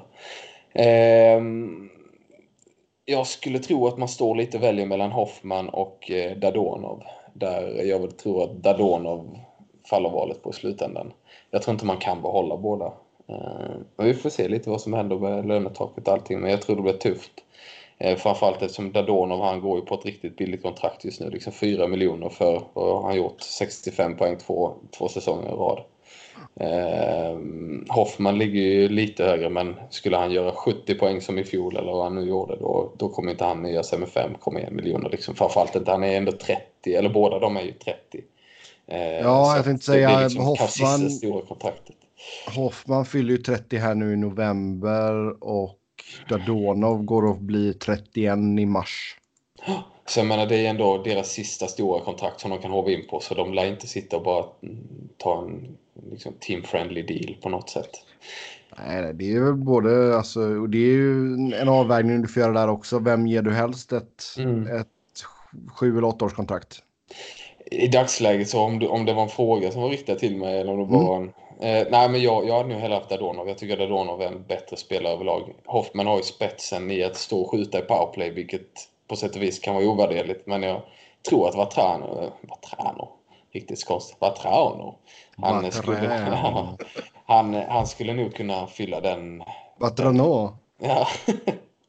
ja, men jag tror han skulle kunna fylla den eh, platsen eh, hyfsat. Och även Owen Tippett som väl förhoppningsvis kan utvecklas någon gång. Slå sig in. Florida har så sjukt svårt med det här med att utveckla sina talanger men, eh, men om, om han skulle kunna komma igång och han är ju högerskytt i och för sig men, men liksom i alla fall som en skytt i powerplay så, så jag tror den positionen är lite lättare att, att ersätta än en spelare som faktiskt fungerar svinbra ihop med, med Barkov och Huberdo samtidigt som han kan gå han har ändå presterat även när han har splittats upp från dem. Mm. Ehm, och eh, jag tror ändå det, den relationen är lite närmare. Han draftades av Florida, tradades visserligen därifrån men det var ändå till Florida han valde att gå när han kom tillbaka från KHL.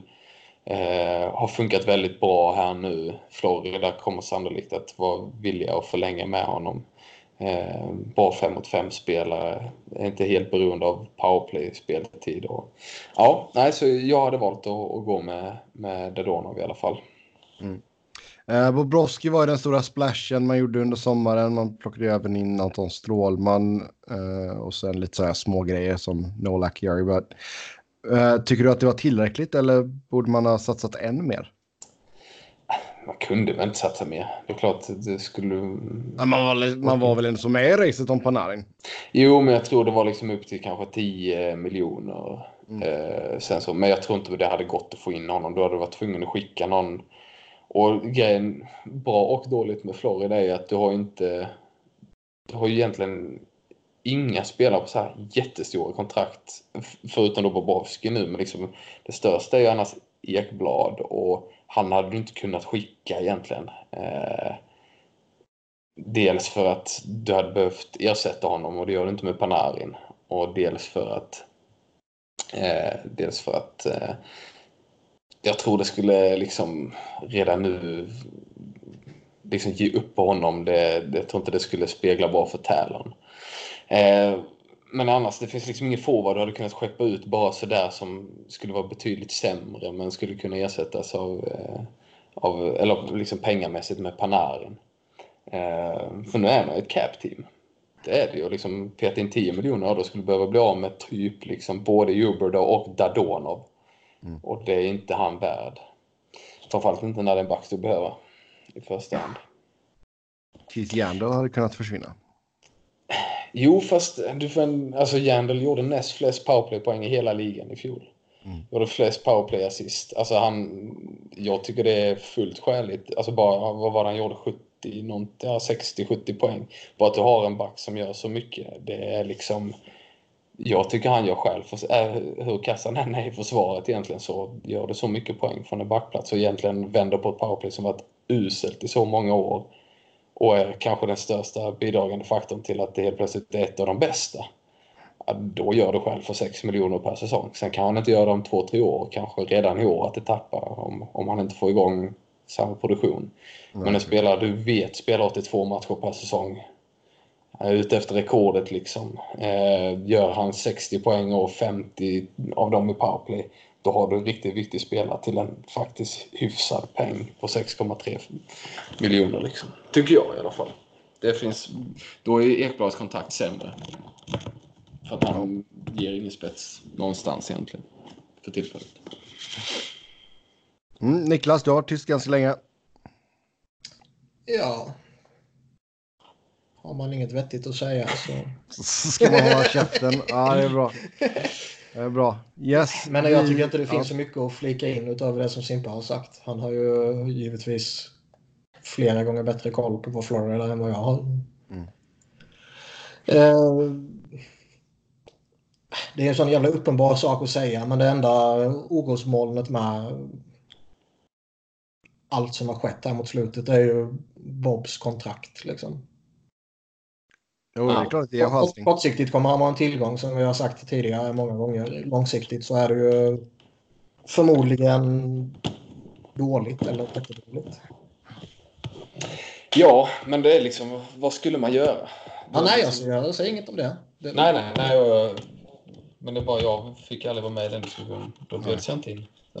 Nej, men, eh, nej, men bara liksom, det, det, man, kan, man kan tycka vad man vill, men det är, alltså jag förstår, det är ett problem för tre, fyra år framåt. Du har tid att lösa det. Ja. det lönetaket kommer säkert att gått upp fem miljoner i alla fall och helt plötsligt så är kontraktet okej. Eh, I alla fall i slutet, om man räknar med någon slags... Alltså, så, Det kommer ju en liten twist dock med att man eh, plockar upp Spencer och Knight samtidigt. mm, Som har fått, jag läste senast idag, att han får liksom superberöm för sin säsong även om eh, det har gått sådär för laget. Så får han mycket beröm. Och jag menar, han verkar vara. Två eller tre år kanske han är bättre än Bob. Ja, sen så är det ju sällan att en målvakt är bra så ungt. Liksom, om vi snackar två, tre år, då ska han vara 21. Liksom. Det finns ju bara ett par i ligan som... Vad är det? Carter Hart egentligen. Som är den enda som är så pass ung. Och visst, har man tur eller otur så, så blir han så bra. Man måste ta det beslutet. Men å andra sidan om två år så kanske Bobrovski fortfarande har ett värde då. Det är väl värre om det händer om fem år, men å andra sidan då kanske du kan liksom låta dem dela på det ett tag om han håller någorlunda nivå. Eller så helt enkelt så får du ha Bob på, på bänken och hoppas att han har gett dig några bra år och något slutspel. Liksom. Då har det varit värt det kan jag tycka. Ja. Talon har ju ändå liksom lite så. Han har ju hela tiden snackat om att han är så bra för Florida så. Men liksom, vad är resultatet nu efter alla de här åren han har varit där? Ja, inte så stor skillnad från tidigare regimer egentligen. Mm. Eh, så att han, och vad är han, han är en bit över 70 så han har inte hur många år kvar som helst heller utan nu behöver det lite behöver det lite eh, ge resultat. Nej, så är det verkligen. Man behöver eh, etablera sig som ett slutspelslag. Vilket jag tycker att man borde göra med det här laget. Jag, jag tycker det. Sen så är det tuff konkurrens för kollar man på de andra lagen så bra och framförallt nu när Buffalo börjat så bra även om jag tror att det är lite kanske ja, att det är lite överhypat nu att det inte är Jo, är- slutspelsplatsen säker men Och Carter Hutton kommer ju få väsna. Det är ju redan klart. Nej, men, men, men tittar man på de andra lagen så helt plötsligt bara, ja, men det är ju bra lag de andra, men jag tycker när man ställer dem head to head att Florida skulle liksom, jag tycker inte Boston är så sjukt mycket bättre. De har sin första kedja. I övrigt så är det rätt, två rätt jämna lag. Visst Toronto och Tampa, men det är, ja, jag tycker att man ska vara ett slutspelslag. Jag tycker man ska vara ett slutspelslag. Jag tycker däremot inte man kan förvänta sig att de ska vara topp tre. Nej, inte Där, där jag, jag, jag, håller, jag håller liksom ändå Boston, Toronto och Tampa i, i, i liksom en, en klass för sig. Sen visst, det räcker att eh, typ Boston, att de snubblar till. Liksom. De har några gamla gubbar. Helt plötsligt så börjar det, det ta ut sin rätt också efter långt slutspel här senast och en ny plågsam säsong. Ehm, men baserat på vad man har sett lite så här under inledningen så en wildcard-plats eh, ska man ju definitivt ha alla möjligheter i världen att ta. Framförallt när du har både Ottawa och Detroit i din division, vilket borde ge dig lite extra poäng jämfört med typ Atlantic-lagen som har tuffare motstånd. Alltså, att det, det, nu kommer inte alla lag vinna alla matcher mot Ottawa, men alla lag ska ju förvänta sig själva att vinna alla matcher mot Ottawa. Så Ja. enkelt är det liksom. En förlust mot Ottawa är ett fiasko i år. Det, det är så. De, Ja, de- så är det. Det kommer man inte ifrån. de borde sluta på noll poäng liksom. Men, nej, inte riktigt så. Men, men Och det är klart, det borde ge Florida en fördel i wildcard-platsen där. Att det, det ska vara 12 säkra poäng, eller ofta de nu möts, 8 kanske. Yes. Med det då så tar vi hoppar in på lyssnarfrågorna. Som vanligt stort tack till er som har skrivit in först ut. Jag skulle uppskatta en diskussion om ersättningen NHL-klubbar betalar för europeiska spelare. Som det är nu betalar man en låg engångssumma oberoende hur bra spelare man plockar är. Skulle det inte vara bättre om de europeiska klubbarna fick ersättning baserat på det kontrakt som spelaren skriver? Typ att klubbarna ska få sig 10% av summan som spelarens kontrakt är värt utdelat jämnt över kontraktstiden. På så sätt kommer NHL-klubbarna tvingas betala betydligt mer för stjärnspelare än vad de gör idag och det skulle vara närmare marknadsvärdet. Det skulle ju aldrig gå i och med att det nästan alla de kontrakten är entry level-kontrakt. Så de skulle bli betydligt sämre. Ja. Så det skiter sig med den eh, delen direkt. Men eh, har, har det gjorts någon slags uträkning om man skulle försöka värdera spelare olika? Alltså istället för att ha en fast summa. För jag tänker det är så sjukt många som de betalar för som aldrig ens spelar en NHL-match.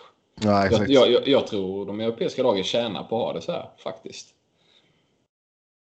Alltså det är väl klart att de kanske borde få mer. Jag vet inte exakt. Vad är dagens siffra Niklas? Har du den framför dig? Ja, nej, jag har ingen jävla aning. Jag kan inte det. Men, men uh, Alltså... Så, så, länge man inte har liksom de ekonomiska musklerna som typ KHL till viss del har, i alla fall har några det, så kommer man ju alltid behöva rätta sig efter stora mäktiga NHL. Eh, på många sätt behöver KHL fortfarande göra det, men de kan ändå konkurrera på ett annat sätt eftersom de har lite, lite pengar de kan, de kan locka med som SHL inte har. Mm. Um, men jag är för dåligt insatt just i, i, i liksom ersättningen NHL kontra SHL. Och... Alltså jag har, ju, jag har ju siffror från 2015 framför mig här. 240 000 dollar går till förbundet. Och sen efter 11 spelare då går det upp till 325 000. Mm. Jag tycker det låter som rätt fair deal. Alltså, jag tänker bara så många som bara skriver kontrakt och sen aldrig spelar en match. För sagt. Du får ersättning för dem också. Det är klart en Elias Pettersson, men hur många sådana kommer fram? I alla fall liksom som slår igenom direkt. Mm. Nej, så känner jag... Nu har ju inte jag något svenskt lag liksom. Det, man skulle ju rimligtvis tackla den här frågan på ett helt annat sätt om ens, eh, alltså, ens starkaste känslor så att säga är med ett svenskt lag. Och sen att NHL-laget som man kanske följer är ens andra lag om man säger så. Um, eller om man bara är allmänt hockeyintresserad men bara har ett svenskt favoritlag. Alltså, då, då är det klart att det här kanske retar sig eller man retar sig på det här ännu mer. Men jag, jag liksom... Jag har aldrig brytt mig ett skit om det här eftersom det inte har påverkat mitt lag på något sätt. Nej. Uh, Nej, alltså som sagt lite gamla siffror vi har att jobba med här just nu. Men alltså 2014 då så betalades det ut ungefär 60 miljoner kronor från NHL. Ja, alltså 60 miljoner låter ju jättemycket och jag tror det är bra liksom. Men. Sen ska ju det, vi ska ju säga att det ska ju fördelas också bland. Uh, vad är det från 16 års ålder? Ingen aning. Ja, det, alltså, där, där, det, alltså, det, det kan ju vara allt från att du har lirat med fan var det Peter Forsberg, då var det eh, Nor IK, alltså Peter Forsberg. Ja, inte Peter Forsberg, Peter Forsberg, utan Peter Forsberg. Inte Foppa, utan Peter Forsberg på förbundet. Eh, sa ju det att för, för Sebastian Kollberg så blev det ju att du hade Noriko, Sudret, HC och Arlanda, Mariestad, liksom hela vägen ner dit gick det ju pengar liksom. Mm. Men, Nej, men sen, alltså, Men- vi har ju, det finns ju ett... Det är inte bara stora stygga NHL som är dumma mot eh, SHL, utan SHL sitter ju i någon form av maktposition mot hockeyallsvenskan också. Och kan ju varva liksom klara HA-spelare väldigt tätt in på säsongen. Och typ rycka sönder en HA-klubbs eh, liksom ambitioner typ. Och så där kommer det, alltså det kommer alltid finnas en, eh, en pecking order så att säga. ja, men sen, eller, alternativet är så att det blir som mellan typ Ja, men vilken annan liga som helst. Att det inte finns något avtal och egentligen vad alla spelare skulle göra då det är att de inte skriver långa svenska kontrakt för då går de helt gratis till NHL istället. Mm. Om jag hade varit 18 år eller 19 och varit draftad av en NHL-klubb som jag vet är intresserad, då skulle jag bara skriva ett års kontrakt med min svenska klubb så att jag kan dra när jag vill. Och då hade man stått utan ersättning. Här är det ju svensk hockey ändå garanterad pengar oavsett. Ja, ge, ge, ge mig transfersummor som i fotbollen. Ja, precis. Nej, men liksom... Eh, det är inte de pengarna. Nej, men så att jag, jag vet inte riktigt. Jag Nej. tror inte det skulle lösa någonting. Jag tror det är rätt bra med att ha fasta. Jag tror man tjänar mer på det egentligen. Eh, sen så är det klart det kan vara surt i vissa enskilda fall. Jo. Men eh, jag tror stora hela som hockeyn rätt, eller svensk hockey rätt bra att ha fasta. Så. Ja, alltså det man kan göra är ju att försöka få upp summan liksom. ja. Det är väl, det är väl typ det.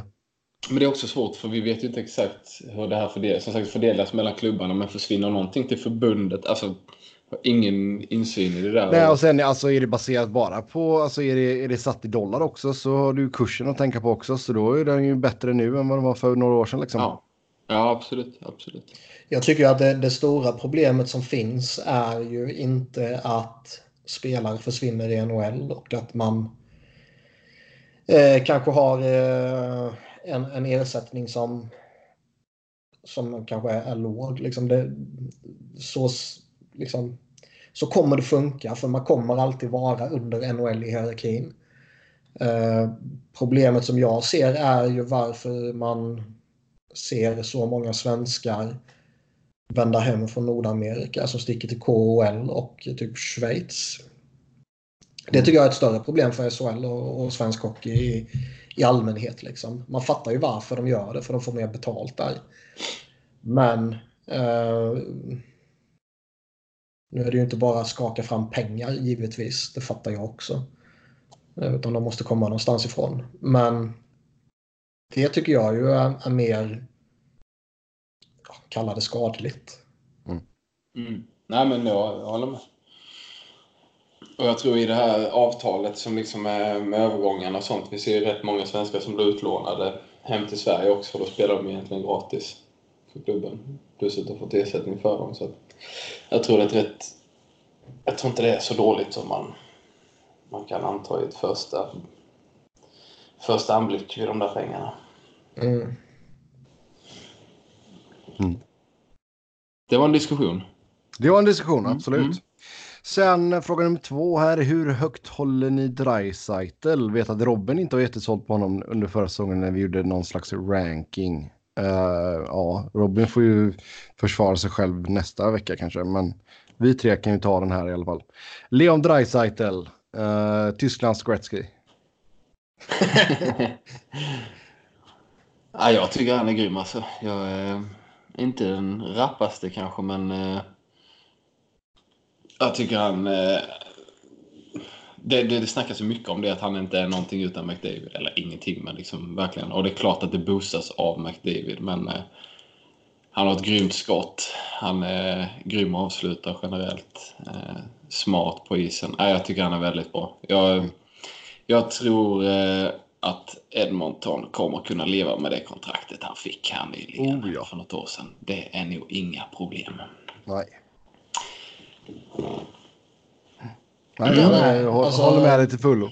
Det är Robin som är dum där. Ja. Fast han är inte ensam. Man, man hör ju det rätt mycket tycker jag ändå. Att det är liksom, det kanske mer när kontraktet skrevs. När det var i, så. Men, eh, men jag menar, du gör inte 105 poäng bara på grund av McDavid. Nej, nej, nej. Absolut inte. Jag tycker inte så. Han kan ju, han har ju absolut visat att han kan bära en kedja själv också. Eh, sen är det klart att tillsammans så är ju de en, en sjukt bra par liksom.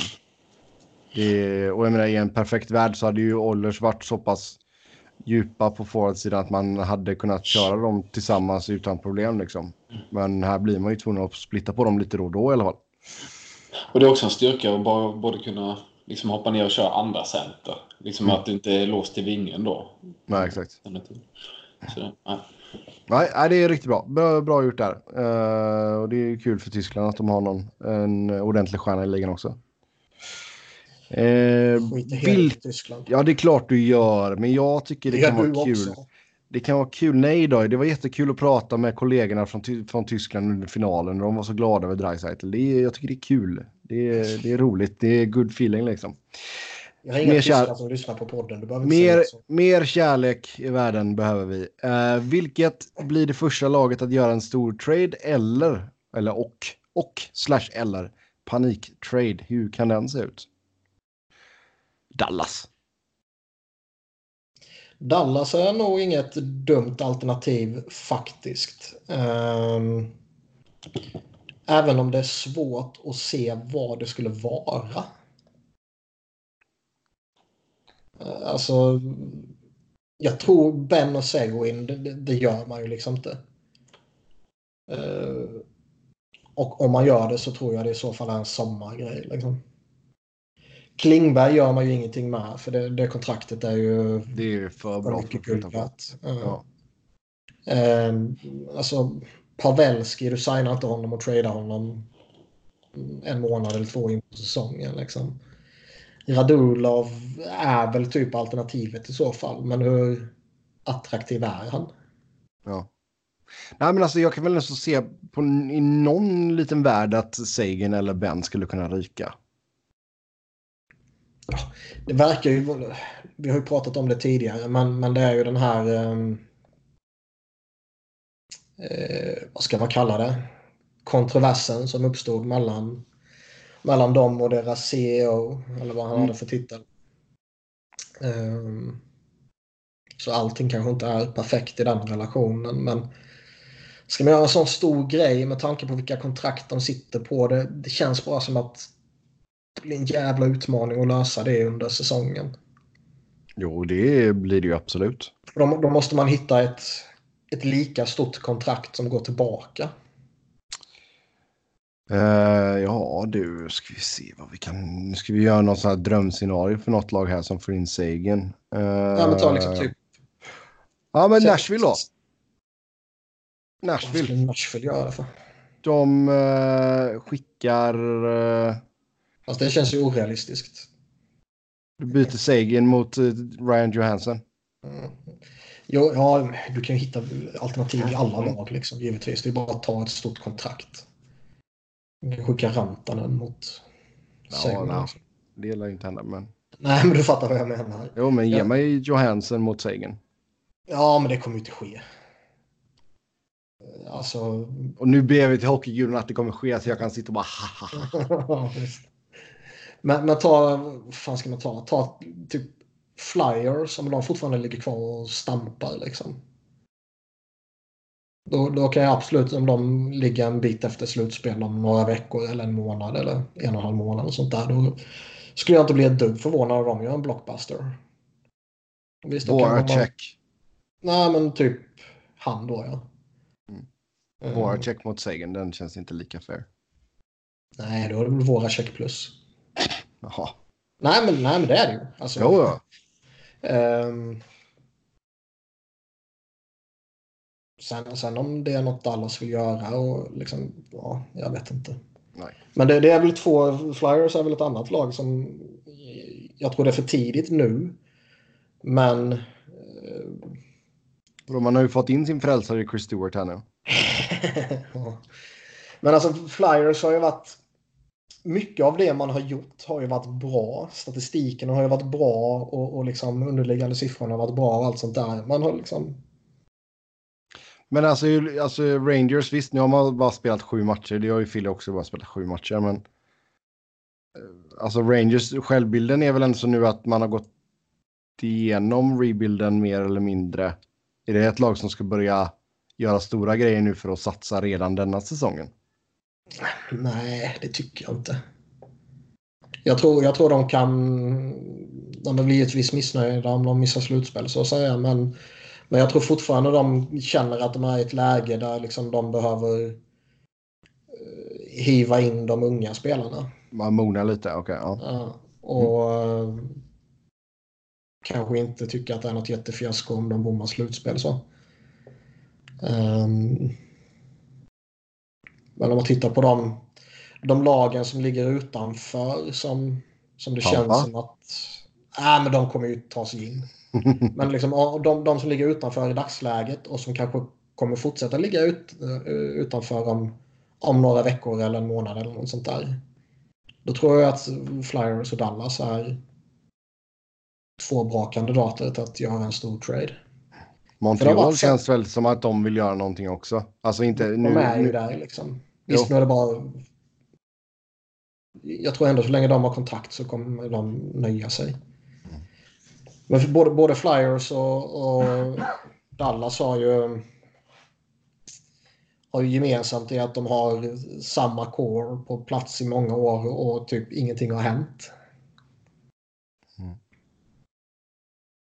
Nu har man dessutom ny GM och coach i, i Flyers som inte har någon relation till någon av spelarna. Då, då kanske man dumpar iväg där.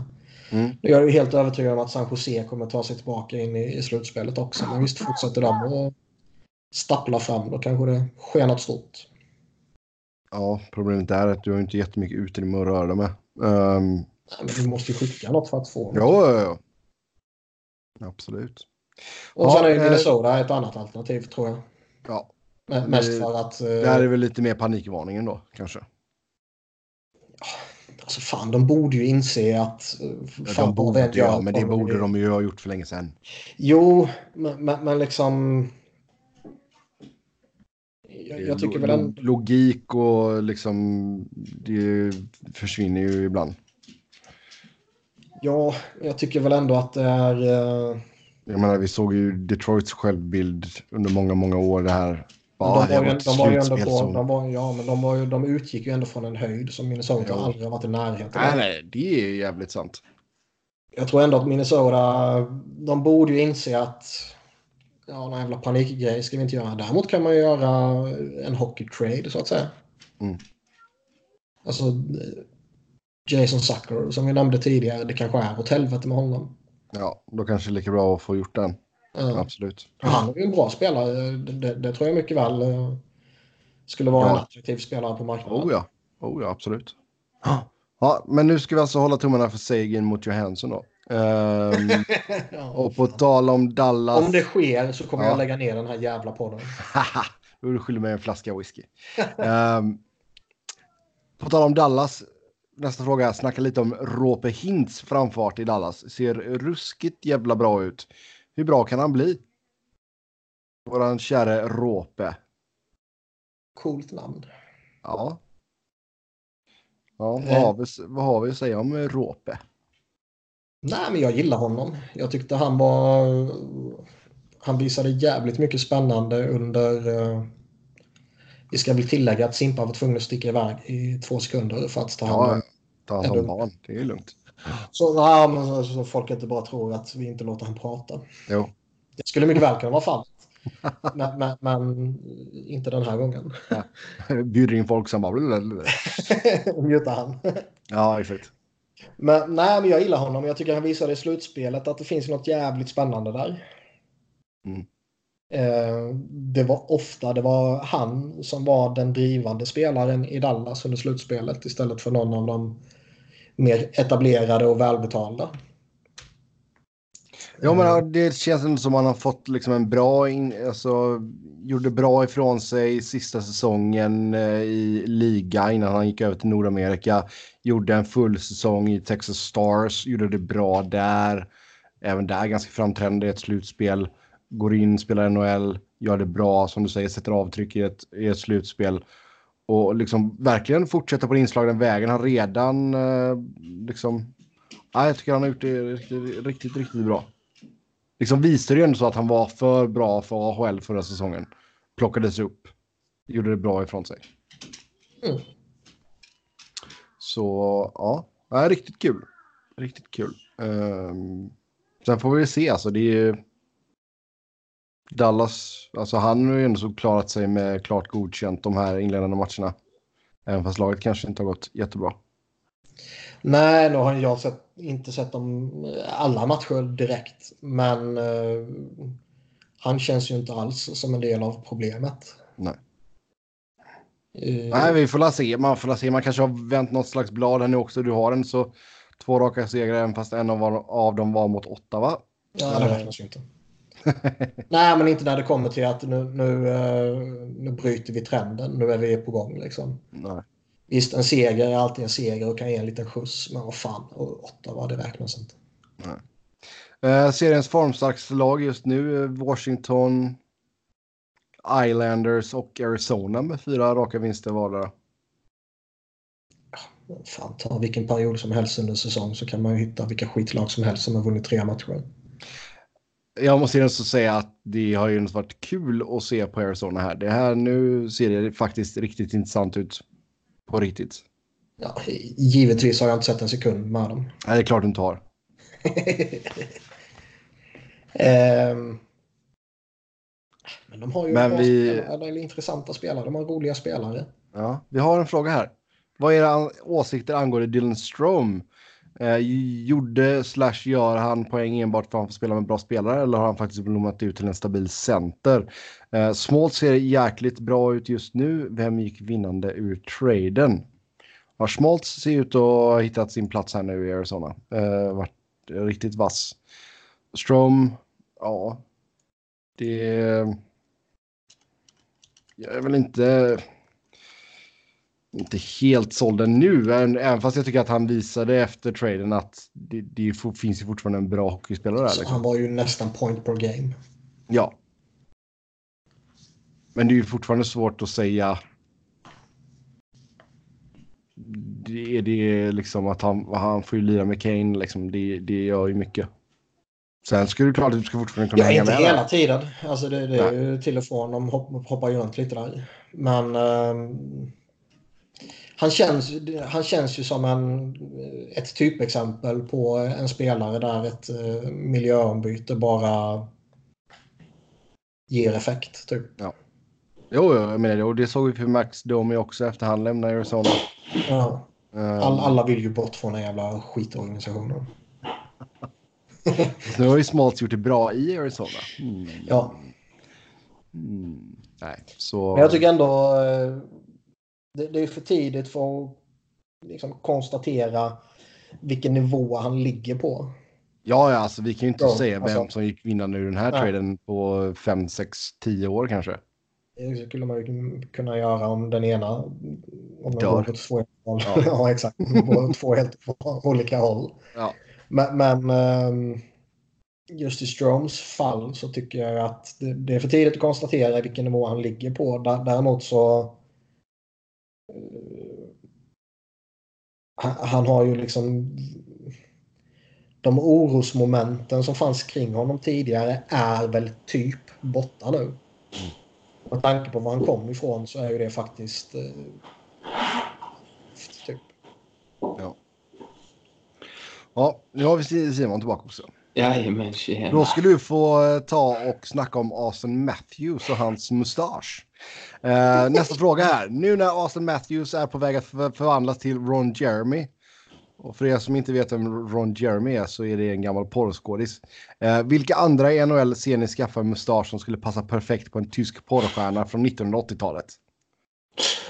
Åh oh, gud, utseendet på de här pojkarna. Ja, det... Har ingen aning. Vem har, vem alltså, har porrskådisvibbar i ligan? Men bara saknar en mustasch. Paul Bissonette, om man får säga honom. ja, Bissonette ja. kan ha en ganska bra porrmusch ibland. Alltså, jag vet inte. Det är så sjukt svårt.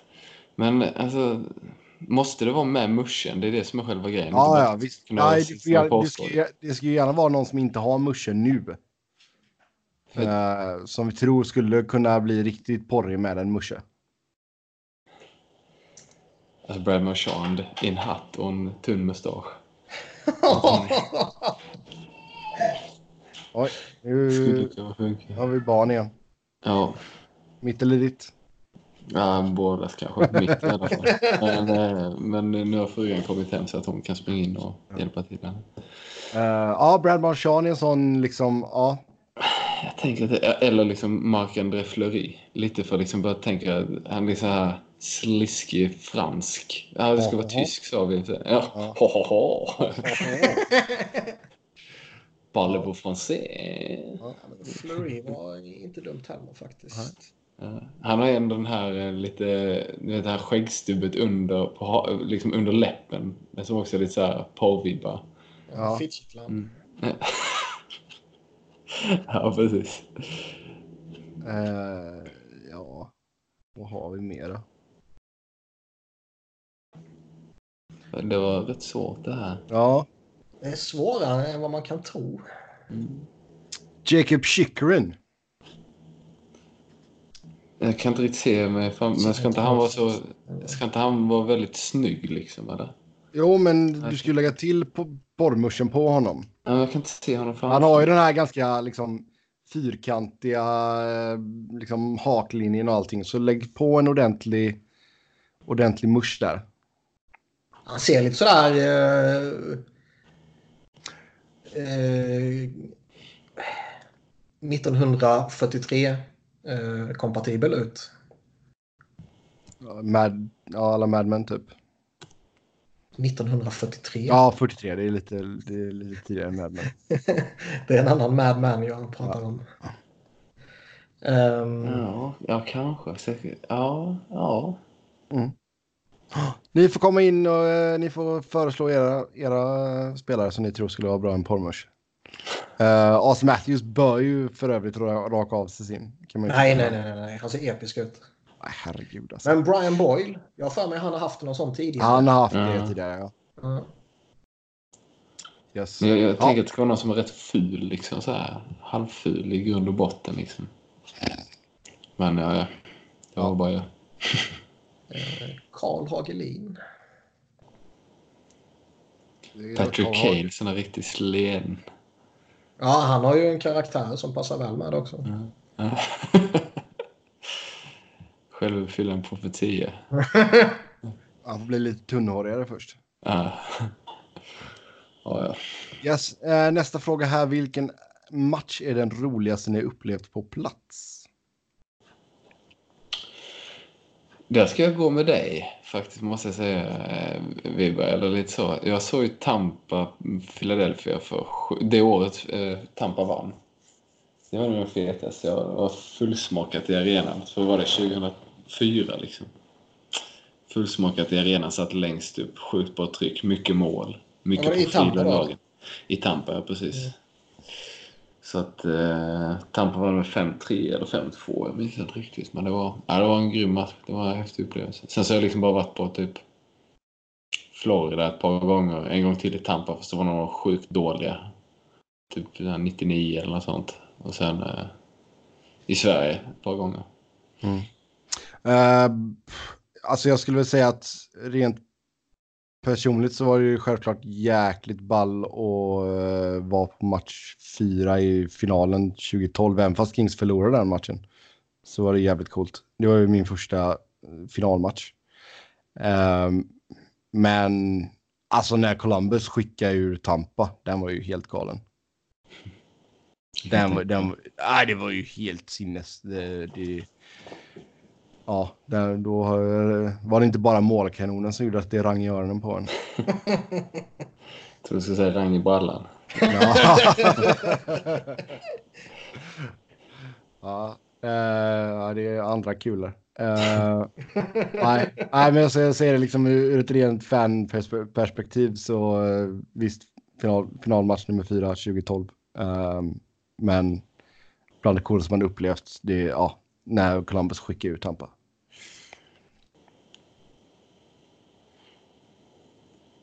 Sen var det fan, det var mäktigt i St. Louis också i och för sig. När de vann sin första finalmatch på hemmais liksom.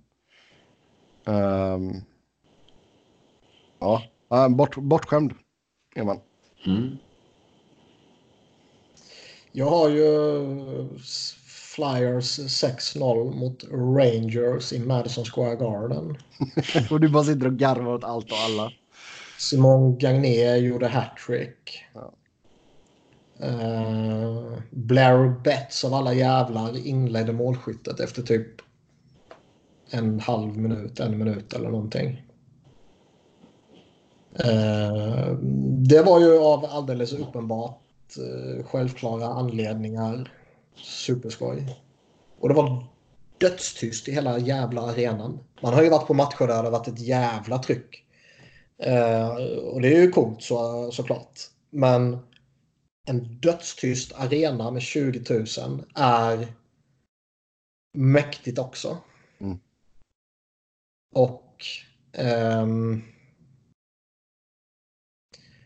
man liksom man sitter i Madison Square Garden och man vi kan ha suttit på typ rad 15 kanske någonting. Det var rätt schyssta biljetter vi hade där då.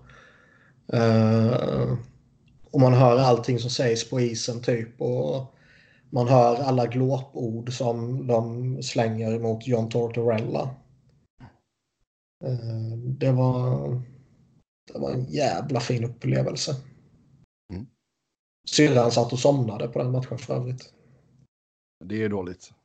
ja, det är riktigt dåligt. Det är dåligt. Då skulle du nästan målat porrmusch på henne. Faktiskt. Ja. Bara någon som har en tuschpenna? Eh, ja. Yes, eh, nästa fråga. Är Rick DiPietro den största floppen någonsin? Vald som nummer ett och det slutade med ett utköp. Kontraktet gäller fram till 2021. Det är svårt att toppa den va? Ja, det är det väl. Uh...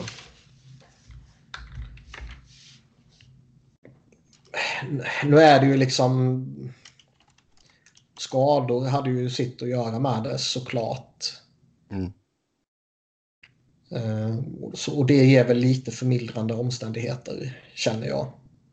Men givetvis var det praktfiasko på alla jävla sätt och vis. Och uh, att det, att det liksom skedde i ett Islanders som var total kaos gör ju bara saken ännu roligare. Mm. Och de har fortfarande vad har de? Fram till 2021 ska de pröjsa honom. Nej, vänta. 29. Jag tittade fel. 2029. 1,5 miljoner per år får han fram till 2029. Ja, men alltså, samtidigt, han spelade ju ändå så. Alltså, vi har ju haft första val som typ inte har gjort någonting. Ja, alltså det... Men alltså tar Jakobov du liksom... ska väl nämnas liksom. Ja, ja, Jakobov ska Eh. absolut nämnas. Men, jag menar, men det, är samtidigt tar Ja. du hela Di Pietro-grejen också så hade du ju... Eh, man skickade ju Longo till Florida liksom. Mm. Jo, men de har ju gjort... eh, De gjorde tusentals misstag där, Islanders. Ja. Mm. Men vad har vi? Vi har ju Alexander Dale som... Daigle. Ja, han var ju the second coming to Jesus, eller vad fan man säger. Och, Ja. ehm, är ju vida erkänd som en av de, de större misslyckandena. Patrik Stefan. Ja, fast det är bara för missade öppna målet. Ja, hela Atlanta. Eh, Mm. Ja. Men visst, men visst. Det, det känns... Alltså...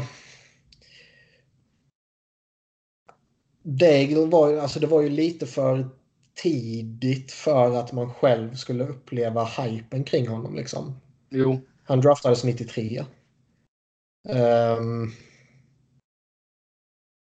ja, du fick ju aldrig, du fick ju aldrig liksom uppleva den pre-draft-hypen som vi har sett eh, efter, liksom från det att man verkligen började sätta sig in. nej. Och jag kommer inte ihåg, var det någon liksom pre-draft-hype kring Jakubov? Jag minns fan inte hur det var då. Jo, det var det väl. Jag har fan ingen aning. Det är sånt man förtränger också. Jo, det gör man kanske.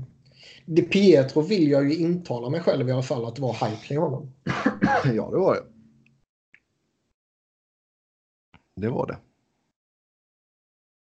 Och som sagt, hela den soppan där och också liksom att det blev att man skickade Luongo, ja, och så såg man vad han gjorde sen. Mm. Ja, men klart, sätter man in det i hela sammanhanget som, och kontexten ja. som är eh, New York Islanders i total kaos. Mm. Så kan man nog eh, peka ut honom som det, ja. Mm. Sen, ja, vi ska säga att Simon har gått och tagit hand om ungar igen. Uh, om ni fick ändra en eller flera regler som finns nu eller lägga till någon regel, vilken, vilka justeringar hade ni gjort då? Personligen stör jag mig på att coach challenge vid typ en offside som kan ha skett 30 sekunder innan ett mål till exempel. Det är så jävla orimligt att man har jävla coaches challenge på offsiden där man kräver millimeterprecision. Uh, men man har inte tillräckligt med tekniska hjälpmedel för att kunna se det. Och man kan inte bedöma vad som är en goal tender interference. Det är ju fortfarande ett mysterium. Ja. Um. Ja du Simon. Ja, det har jag tänkt länge. Om du, fick ändra, om du fick ändra på en eller flera regler som finns just nu eller lägga till någon regel. Vad har du gjort för justeringar? Ja, men liksom så här, coaches challenge. Absolut, men typ att man ska ha någon, någon eh, typ så här att det ska vara direkt i, alltså, relaterat till målet. Sätt en tid, alltså jag skulle kunna leva med bara, ja men det ska ha skett fyra sekunder innan målet. Annars är liksom eh, situationen över eller något sånt. Eh, mm. det, det är väl den man skulle kunna göra. Det blir, eh. det blir parodi. Fan när det är en offside, de tar sig in där och sen så blir det typ puckinnehavet byts mellan lagen tre gånger innan det blir mål. Ah. Eh, någon annan regel? Alltså det finns ju alltid så här som sitter... Jag, jag har alltid hatat packout. Eh, alltså att det ska vara en utvisning. Eh, men jag vet inte. Den, det stör mig inte lika mycket på senare år faktiskt. Men jag har liksom ja, man har vant sig vid den. Ja. Mm. ja, men det har varit en sån skit. Det händer ju alltid när ens eget lag liksom spelar i boxplay. Och så mm. lägger man packout också. Det är spel 5 mot 3 liksom. Puckfan ställer sig på högkant typ. Ja, men, eh, men det känns som att de har bättre att behärska det. Det händer inte så ofta längre. Mm. Men det är alltid det är någon sån som jag vet också som... Jag kommer ihåg att jag lyssnade en gång på, eh, vad heter den, PDO-cast. Jag kommer inte ihåg vad han heter som var med, men han bara åh, ja, men målvakterna ska inte få blockera pucken och de ska bara typ plocka, inte kluva. Alltså då bara jag, jag tycker faktiskt att, för det snackas rätt ofta om att, eller i alla fall i de sammanhangen, att NHL, det är liksom, det är inte, man gör inte så mycket regeländringar och bla bla bla. Jag tycker det sker hela tiden. Det, det sker ju många små justeringar hela ja. tiden. Däremot så har det väl eh, alltså någon riktigt stor omvälvande regelförändring har väl det skulle jag ändå säga väldigt liksom, tre, tre mot tre i, eh, i en i vad heter det, övertid. Eh, Du plockar bort redline. Alltså, men man kan, man kan redline är ju, den är ju, den är ju fan stor, det är sant. Ja, alltså det var ändå, visst det är säkert 20 år sedan nu, men det, det, är, liksom, det är rätt mycket som har hänt. Hör du det här hybrid-icingen? Eh, alltså det är rätt mycket. Men jo, en grej som, fast det är inte i spelet i sig, men det är fortfarande en regel om att säga. Det här poängsystemet. Det är sjukt orimligt att det delas ut olika många poäng i olika matcher. Ja. Det, jag skulle vilja ha tre poängsystem egentligen. Sen vet jag inte riktigt om det hade gjort någon jätteskillnad i, i slutändan. Men det bara känns helt fel att, att eh, vissa matcher delar ut tre poäng, vissa två liksom. Och, nej. Där hade jag gärna sett en förändring på. Men det är liksom, det är inte i spelet. Och samma sak de här eh, slutspelsindelningarna. Jag gillar inte mm. de här divisionsrivalgrejerna liksom. Nej, alltså det, det var... Det, det, var väl en lyssnarfråga om det förra veckan, Niklas, va? Mm. Hade vi? Jag inte var med. Jag för mig jag såg den. Ingen aning. Jag vet ah, okay. men det, det, är om man skulle, det är om man skulle slopa, det är om man skulle slopa liksom indelningen och bara köra liksom. Ja, just det. Det var det. Det, det var det ja. förresten. Köra 1 till 16 istället. Ja, köra 1 ja. mot 16. Jag hade älskat annars som man hade, som man hade i elitserien för. Att man fick välja slutspel, alltså motståndare. Det hade varit, och just den pressen man sätter på sig själv genom att välja någon. Ja, det, Och, och med tanke på hur tråkiga de här jävla idioterna är i ligan så skulle det vara så obekvämt för dem. Eh, jag hade älskat det. Alltså, och det, ja. ja, jag, håller, ja, det är det, jag menar ju som att det skulle vara skoj att se att det blir Mm, så ja, obekvämt. jag förstår. Jag förstår. Ehm, jag tror aldrig någonsin det kommer införas för de är för fega för att göra det. Liksom. Men Men satan vad skoj. jag tänker bara se det eventet när de står där och drar sina motstånd. Eller så här liksom bara, ja vi väljer. Alltså. Och jag menar, snackar man rivalitet, snackar man att det blivit rivalitet mellan lag då? Om man väljer. Oh, ja. Och tänk Ja. som, det är klart för att 99 gånger av 100 så hade väl laget tagit det som är egentligen sedat mot dem, om man ska säga så. Mm. Eh, men det hade varit gött den gången någon plockar någon som är högre sedat än sig själv. Nej, det hade kanske inte gått, men... Eh, Ja, det hade inte gått. Men att någon nej, hade tagit... men, ja, om, alltså, ett, liksom, om ettan hade valt lag 10 istället för lag 16 liksom. ja, precis. Det hade varit så sjukt bara se den matchen sen. Det hade... Mm. Ja. Det finns mycket kul med det. Jag fattar inte, någon som minns ni varför man tog bort det i elitserien? Nej. De var väl eh, för fega där också. Ja, mycket möjligt. Yes, med det så ska vi ta och packa ihop butiken för idag. Eh, eller stänga butiken för idag säger man. Eh, som vanligt ska ni köta hockey med oss via Twitter. Mig hittar ni på Noren, Niklas på att Niklas Wiberg, Niklas med C, Wiberg med enkel V. Och Simon, stort tack för att du ville vara med oss. Eh, vill, att man följa, vill man följa Simon så går det bra på Simpa understreck Stromberg. Jajamän. Tills nästa gång, ha det gött, hej!